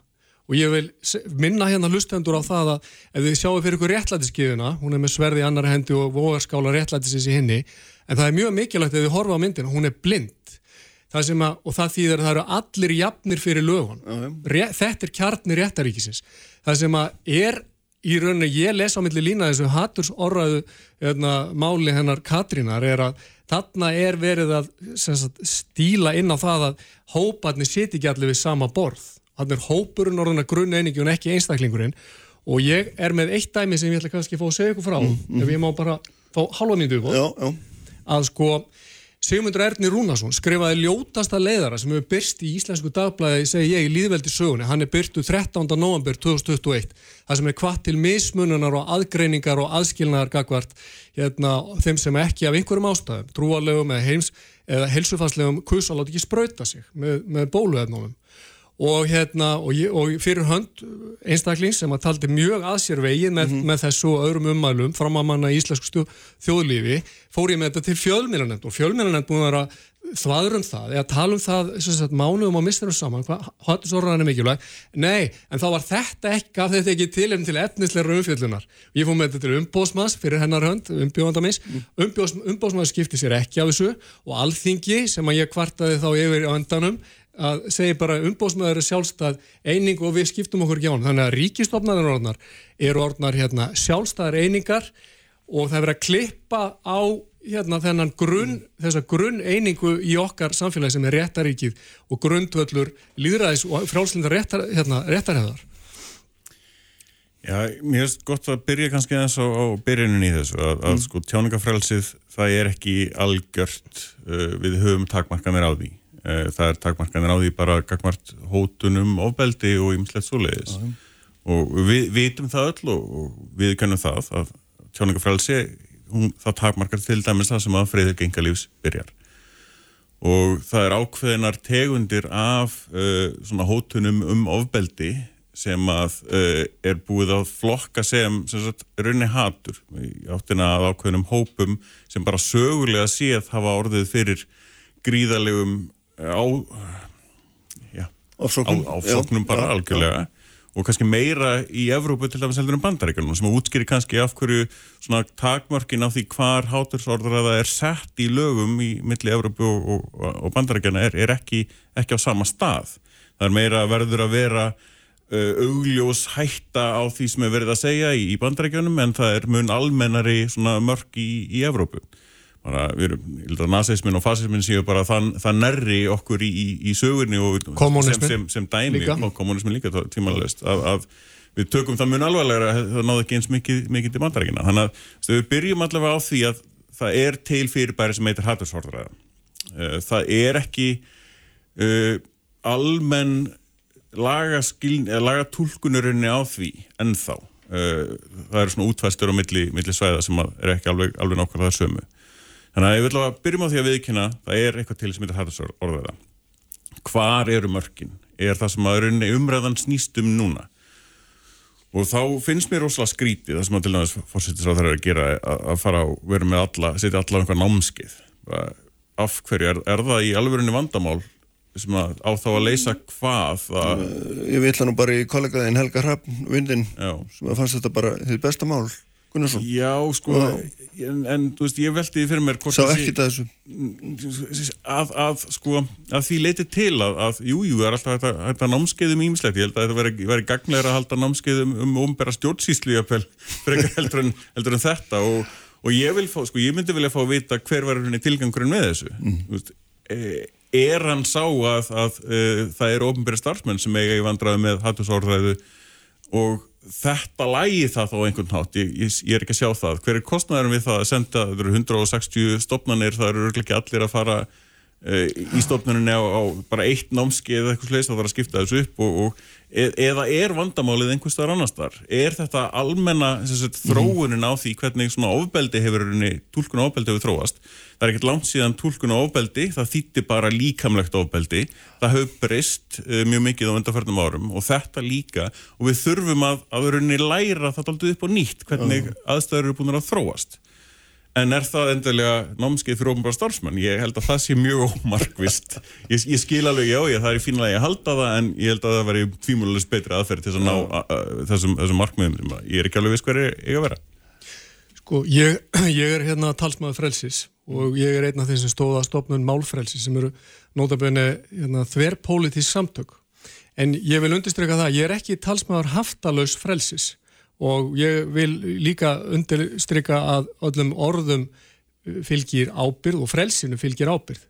En ég held að hinn pótlinn uh, er einhvers konar öryggis þráheikja sem er haldið á okkur núna á okkar og einhver kallaði, sagði að við byggjum á öld óttans eða age of anxiety. Og það kann að vera rétt ef við bara horfum á það hvernig stjórnvöld tala þá er frelsið orðið svona rosalega hættulega það þurfa að verja okkur fyrir því og ég er komin að þeirri skoð að þeirri niðurstöðu, bráðabera niðurstöðu að þessi öryggist þráhyggja sé sko mesta ógn við bara borgaralegt frelsi á, á, á okkar tímum og ef þetta fara að grassera mikið lengur að þá mun þetta leiða okkur út í verulegar ófarir Hvað er nákvæmlega fælst í öryggistráfi? Já, það er, það er verið að segja sko ég ætla að vera, hætt, frelsið er svo hættulegt Mm. ég, ég ætla að bjóða þér fre, hérna, öryggi, 100% öryggi ég sem valdhafi og við sem hefur völd en það er bara eitt sem þú ert að gera þú ert að afhenda mér frelsið Ek, ekki gleyma að það eru stjórnvöld sem leika ífa undir þennan ótta. Já, það er algjörlega það. terrorisma óttana Algjörlega, og og það- hagnýta sér það Algjörlega. Nú, þeir eru svolítið, nú eru þið aðeins svo abstrakt fyrir mig Nei, þetta er ekki abstrakt Ég- ég- Jú, jú, nei. fyrir mig er ég skal- að um hjartengja núna? það að við erum búin að, nýbúin að fara í gænum tveggja ára tímabil þar sem að alið var á óttagagart almenningi og frelsið pældi í eða borgarlegt frelsi sem átt að heita stjórnarskrávari var klift úr sambandi í nafni öryggis. Þetta er það sem ég er að tala um. Þannig að þetta er bara raunveruleiki og við fórum úr því að vera réttaríki yfir í að vera sóttvarnaríki. Og í stað sko pólitískrar rökra og stefnumótunar þá erum við að sigla inn í það. Og ef þetta hattur sorðaði málennar Katrin heldur áfram að sérfræðinga gefa út fyrirskipanir og hafi eftirlit með okkur og, og, sagt, og beit okkur einhvers konar viðurlögum og smá saman eigðist þá allt það sem heitir borgarlegt frelsi sem er mest að dýrmæti sem við eigum á Vesturlöndum. Já, ég meina... Erstu tekur undir þetta? Ég tek alveg undir þetta því að, að sko, það, sko mannréttindi eru okkur gríðarlega verðmætt, dýrmætt uh, og það er á einmitt tímum sem að það reynir á þau sem að þau eru sem dýrmætust af því að þau eiga að verja okkur einmitt gangvart ákveðnum ásóknum en þá er líka erfiðast að verja þau út af því að þetta eru erfiði tímur, út af því að það er stríð út af því að það er svottvartan ástand og svo framvegis. Það er hægt að nota hræðslu til þess að grafa undan mannreitindi. Er ekki stað samt sem að þú, allavega minnst að alveg hægt að horfa á þeim einn frá að staðavald það hefur aldrei verið veikari en þegar að mm -hmm. leiðir okkar allra til þess að segja skoðanir okkar, kost og löst á þeim Alkjörn. og öllum sem þar eru, eru markvallt hérna ríkari og opnari heldur en nokkuð tíma Já, þannig að, ég, þú veist, þannig er eitthvað ég myndi tólkan þannig að, valdið er ekki svona, það er miklu dreifðara heldur en það er nokkuð sinni verið. Og það er svona erfiðar að beita því. Já, sko, það má segja að valdið er, er dreifðara að því leiti að, að við erum núna að spretta upp frjálsi fjölmiðlar sem að gefa fólki rödd mm. og við erum með interneti og allt það en þú ser það Kristján sama tíma þá er, þá er bara fólki eitt út af netinu. Og hérna skoðanur gerðar ólöglegar og óbyrtingarhæfar og mér sé að margt af því sem að talið hinn mesta fyrra í kórnaveiru fárunu hefur síðan komið í ljós og bara rétt. Þannig að hver getur tekið sér skilgreininganvaldi við sannleikanum? Þess en ég geta ekki er þetta eitthvað öðruvísi Arnar heldur en hefur verið? Heldur bara nú er þetta bara opnar á fyrir allra augum. Svona vandalega hefur alltaf hefur alltaf staða þeirra verið sem hafa verið á, ef við kallaðum það á skjön innan geðslapa við einhvern meginström og hverjum tíma, ekki satt? Allt, alltaf sko, ég menna Luther var á Jörðin er víst flött, sagði einhver. Galileo. Já, og, og, og ekki fekk hann gott fyrir það. Nei, en, en þetta, þessi tvö dæmi sem við bara nefnum þarna, já, Luther já. og Galileo kannski minn okkur á það mikilvægi þess að við hleypum sjóna með honum að, en það sé ekki reynd að þakka niður í jaðarsetja og... hún snýst í stamt að það ég að segja. Já, já sorry, ég snýst við það er eins sko- gott í leiðrið en sko, þannig að sko þegar kennivaldið á, á 16. öld og kennivaldið núna á 21. öld hefur ekki endilega höndla sannleikan. Þannig að ef við viljum vera í einhvers konar auðmygt þá viðkennum við það að við vitum ekki allt og við hljótum þá að vera tilbúin að hlusta og sjóna með annara og vilja hafa opinn huga og svona út af það gengur tjáningafrelsi og það er eins og góðum að þið sagði tjáningafrelsi er kjarni alls frelsis. Ef við förum að höggva í það þá tökum við stórkosla áhættu með allt hitt sko. Við erum þarna með sko almenningsálitið er ekki að fara það hefur alltaf verið mm -hmm. og það fer út í það að vera domstólgötunar þegar það er, er sem mest fár í gangi. En, en það hverfur aldrei. Við viljum bera svolítið á móti því að domstólgötunar Uh, sé eins kannski áhrifaríkur og hann getur verið sérstaklega í nú, nútíma sko, samfélag og viljum meira upplýstari umræðu og þess aftar en stjórnvöld sem eru svona raunir bara búin að glata daldið sko, stjórnsinni á því hvað getur verið í umræðu einmitt með uh, netinu, með opnum miðlum mm. uh, er farin að þróa svona orðræði sína út í aðra ráttir það er meiri það eru meiri útúsnúningar ekki svör orðræðan hún færist yfir að það að, að fara frá kannski beinum ásökunum eins og voru og bara vera í að ímsu. En, en á síðustu árum björnlega við hafa sko, verið opnað verið opnað hafa verið opnað allar gáttir eins og ofnbæra fyrir uppsingar, all skjöl, allir reikningar, ríkisins liggja opnir og svo framins ég minna það er svo farið bara 20 áraður í tíma og berða það saman. Það er rosalega munnar af því alveg rétt en mm. það er samt rosalega erfitt að ná út úr stjórnkerfinu í gegnum upplýsingalögin. Það er, það er sífælt farið mm. út í istu að essar úrskurði eh, upplýsinganemndar og, og þess, það, það, það er eins og að draga tönn úr óviljandi sjúklingi. Við höfum hálfa mínútur núna og bara sagt, eitt já eða nei. Mm -hmm. Ég er tjáningafrelsi í einhverju hættu. Já. Nei. þetta var góða fundur. Takk fyrir þetta báðu tveir og hérna höldum áfram með þetta síðar. Ég veit að við haldum svona stýrið í útsendingun eins og hann gerir alltaf og svo er allt efnið okkar á vísi.is og bilgjam.is og hvað er eftir það sem þið finnið? Hlaðvarp í bilgjahappinu auðvitað líka. Við erum svo með ykkur aftur hér eftir vikum verið sæl. Bilgjan mælir með Sónatúral Sónatúral safarnir markverð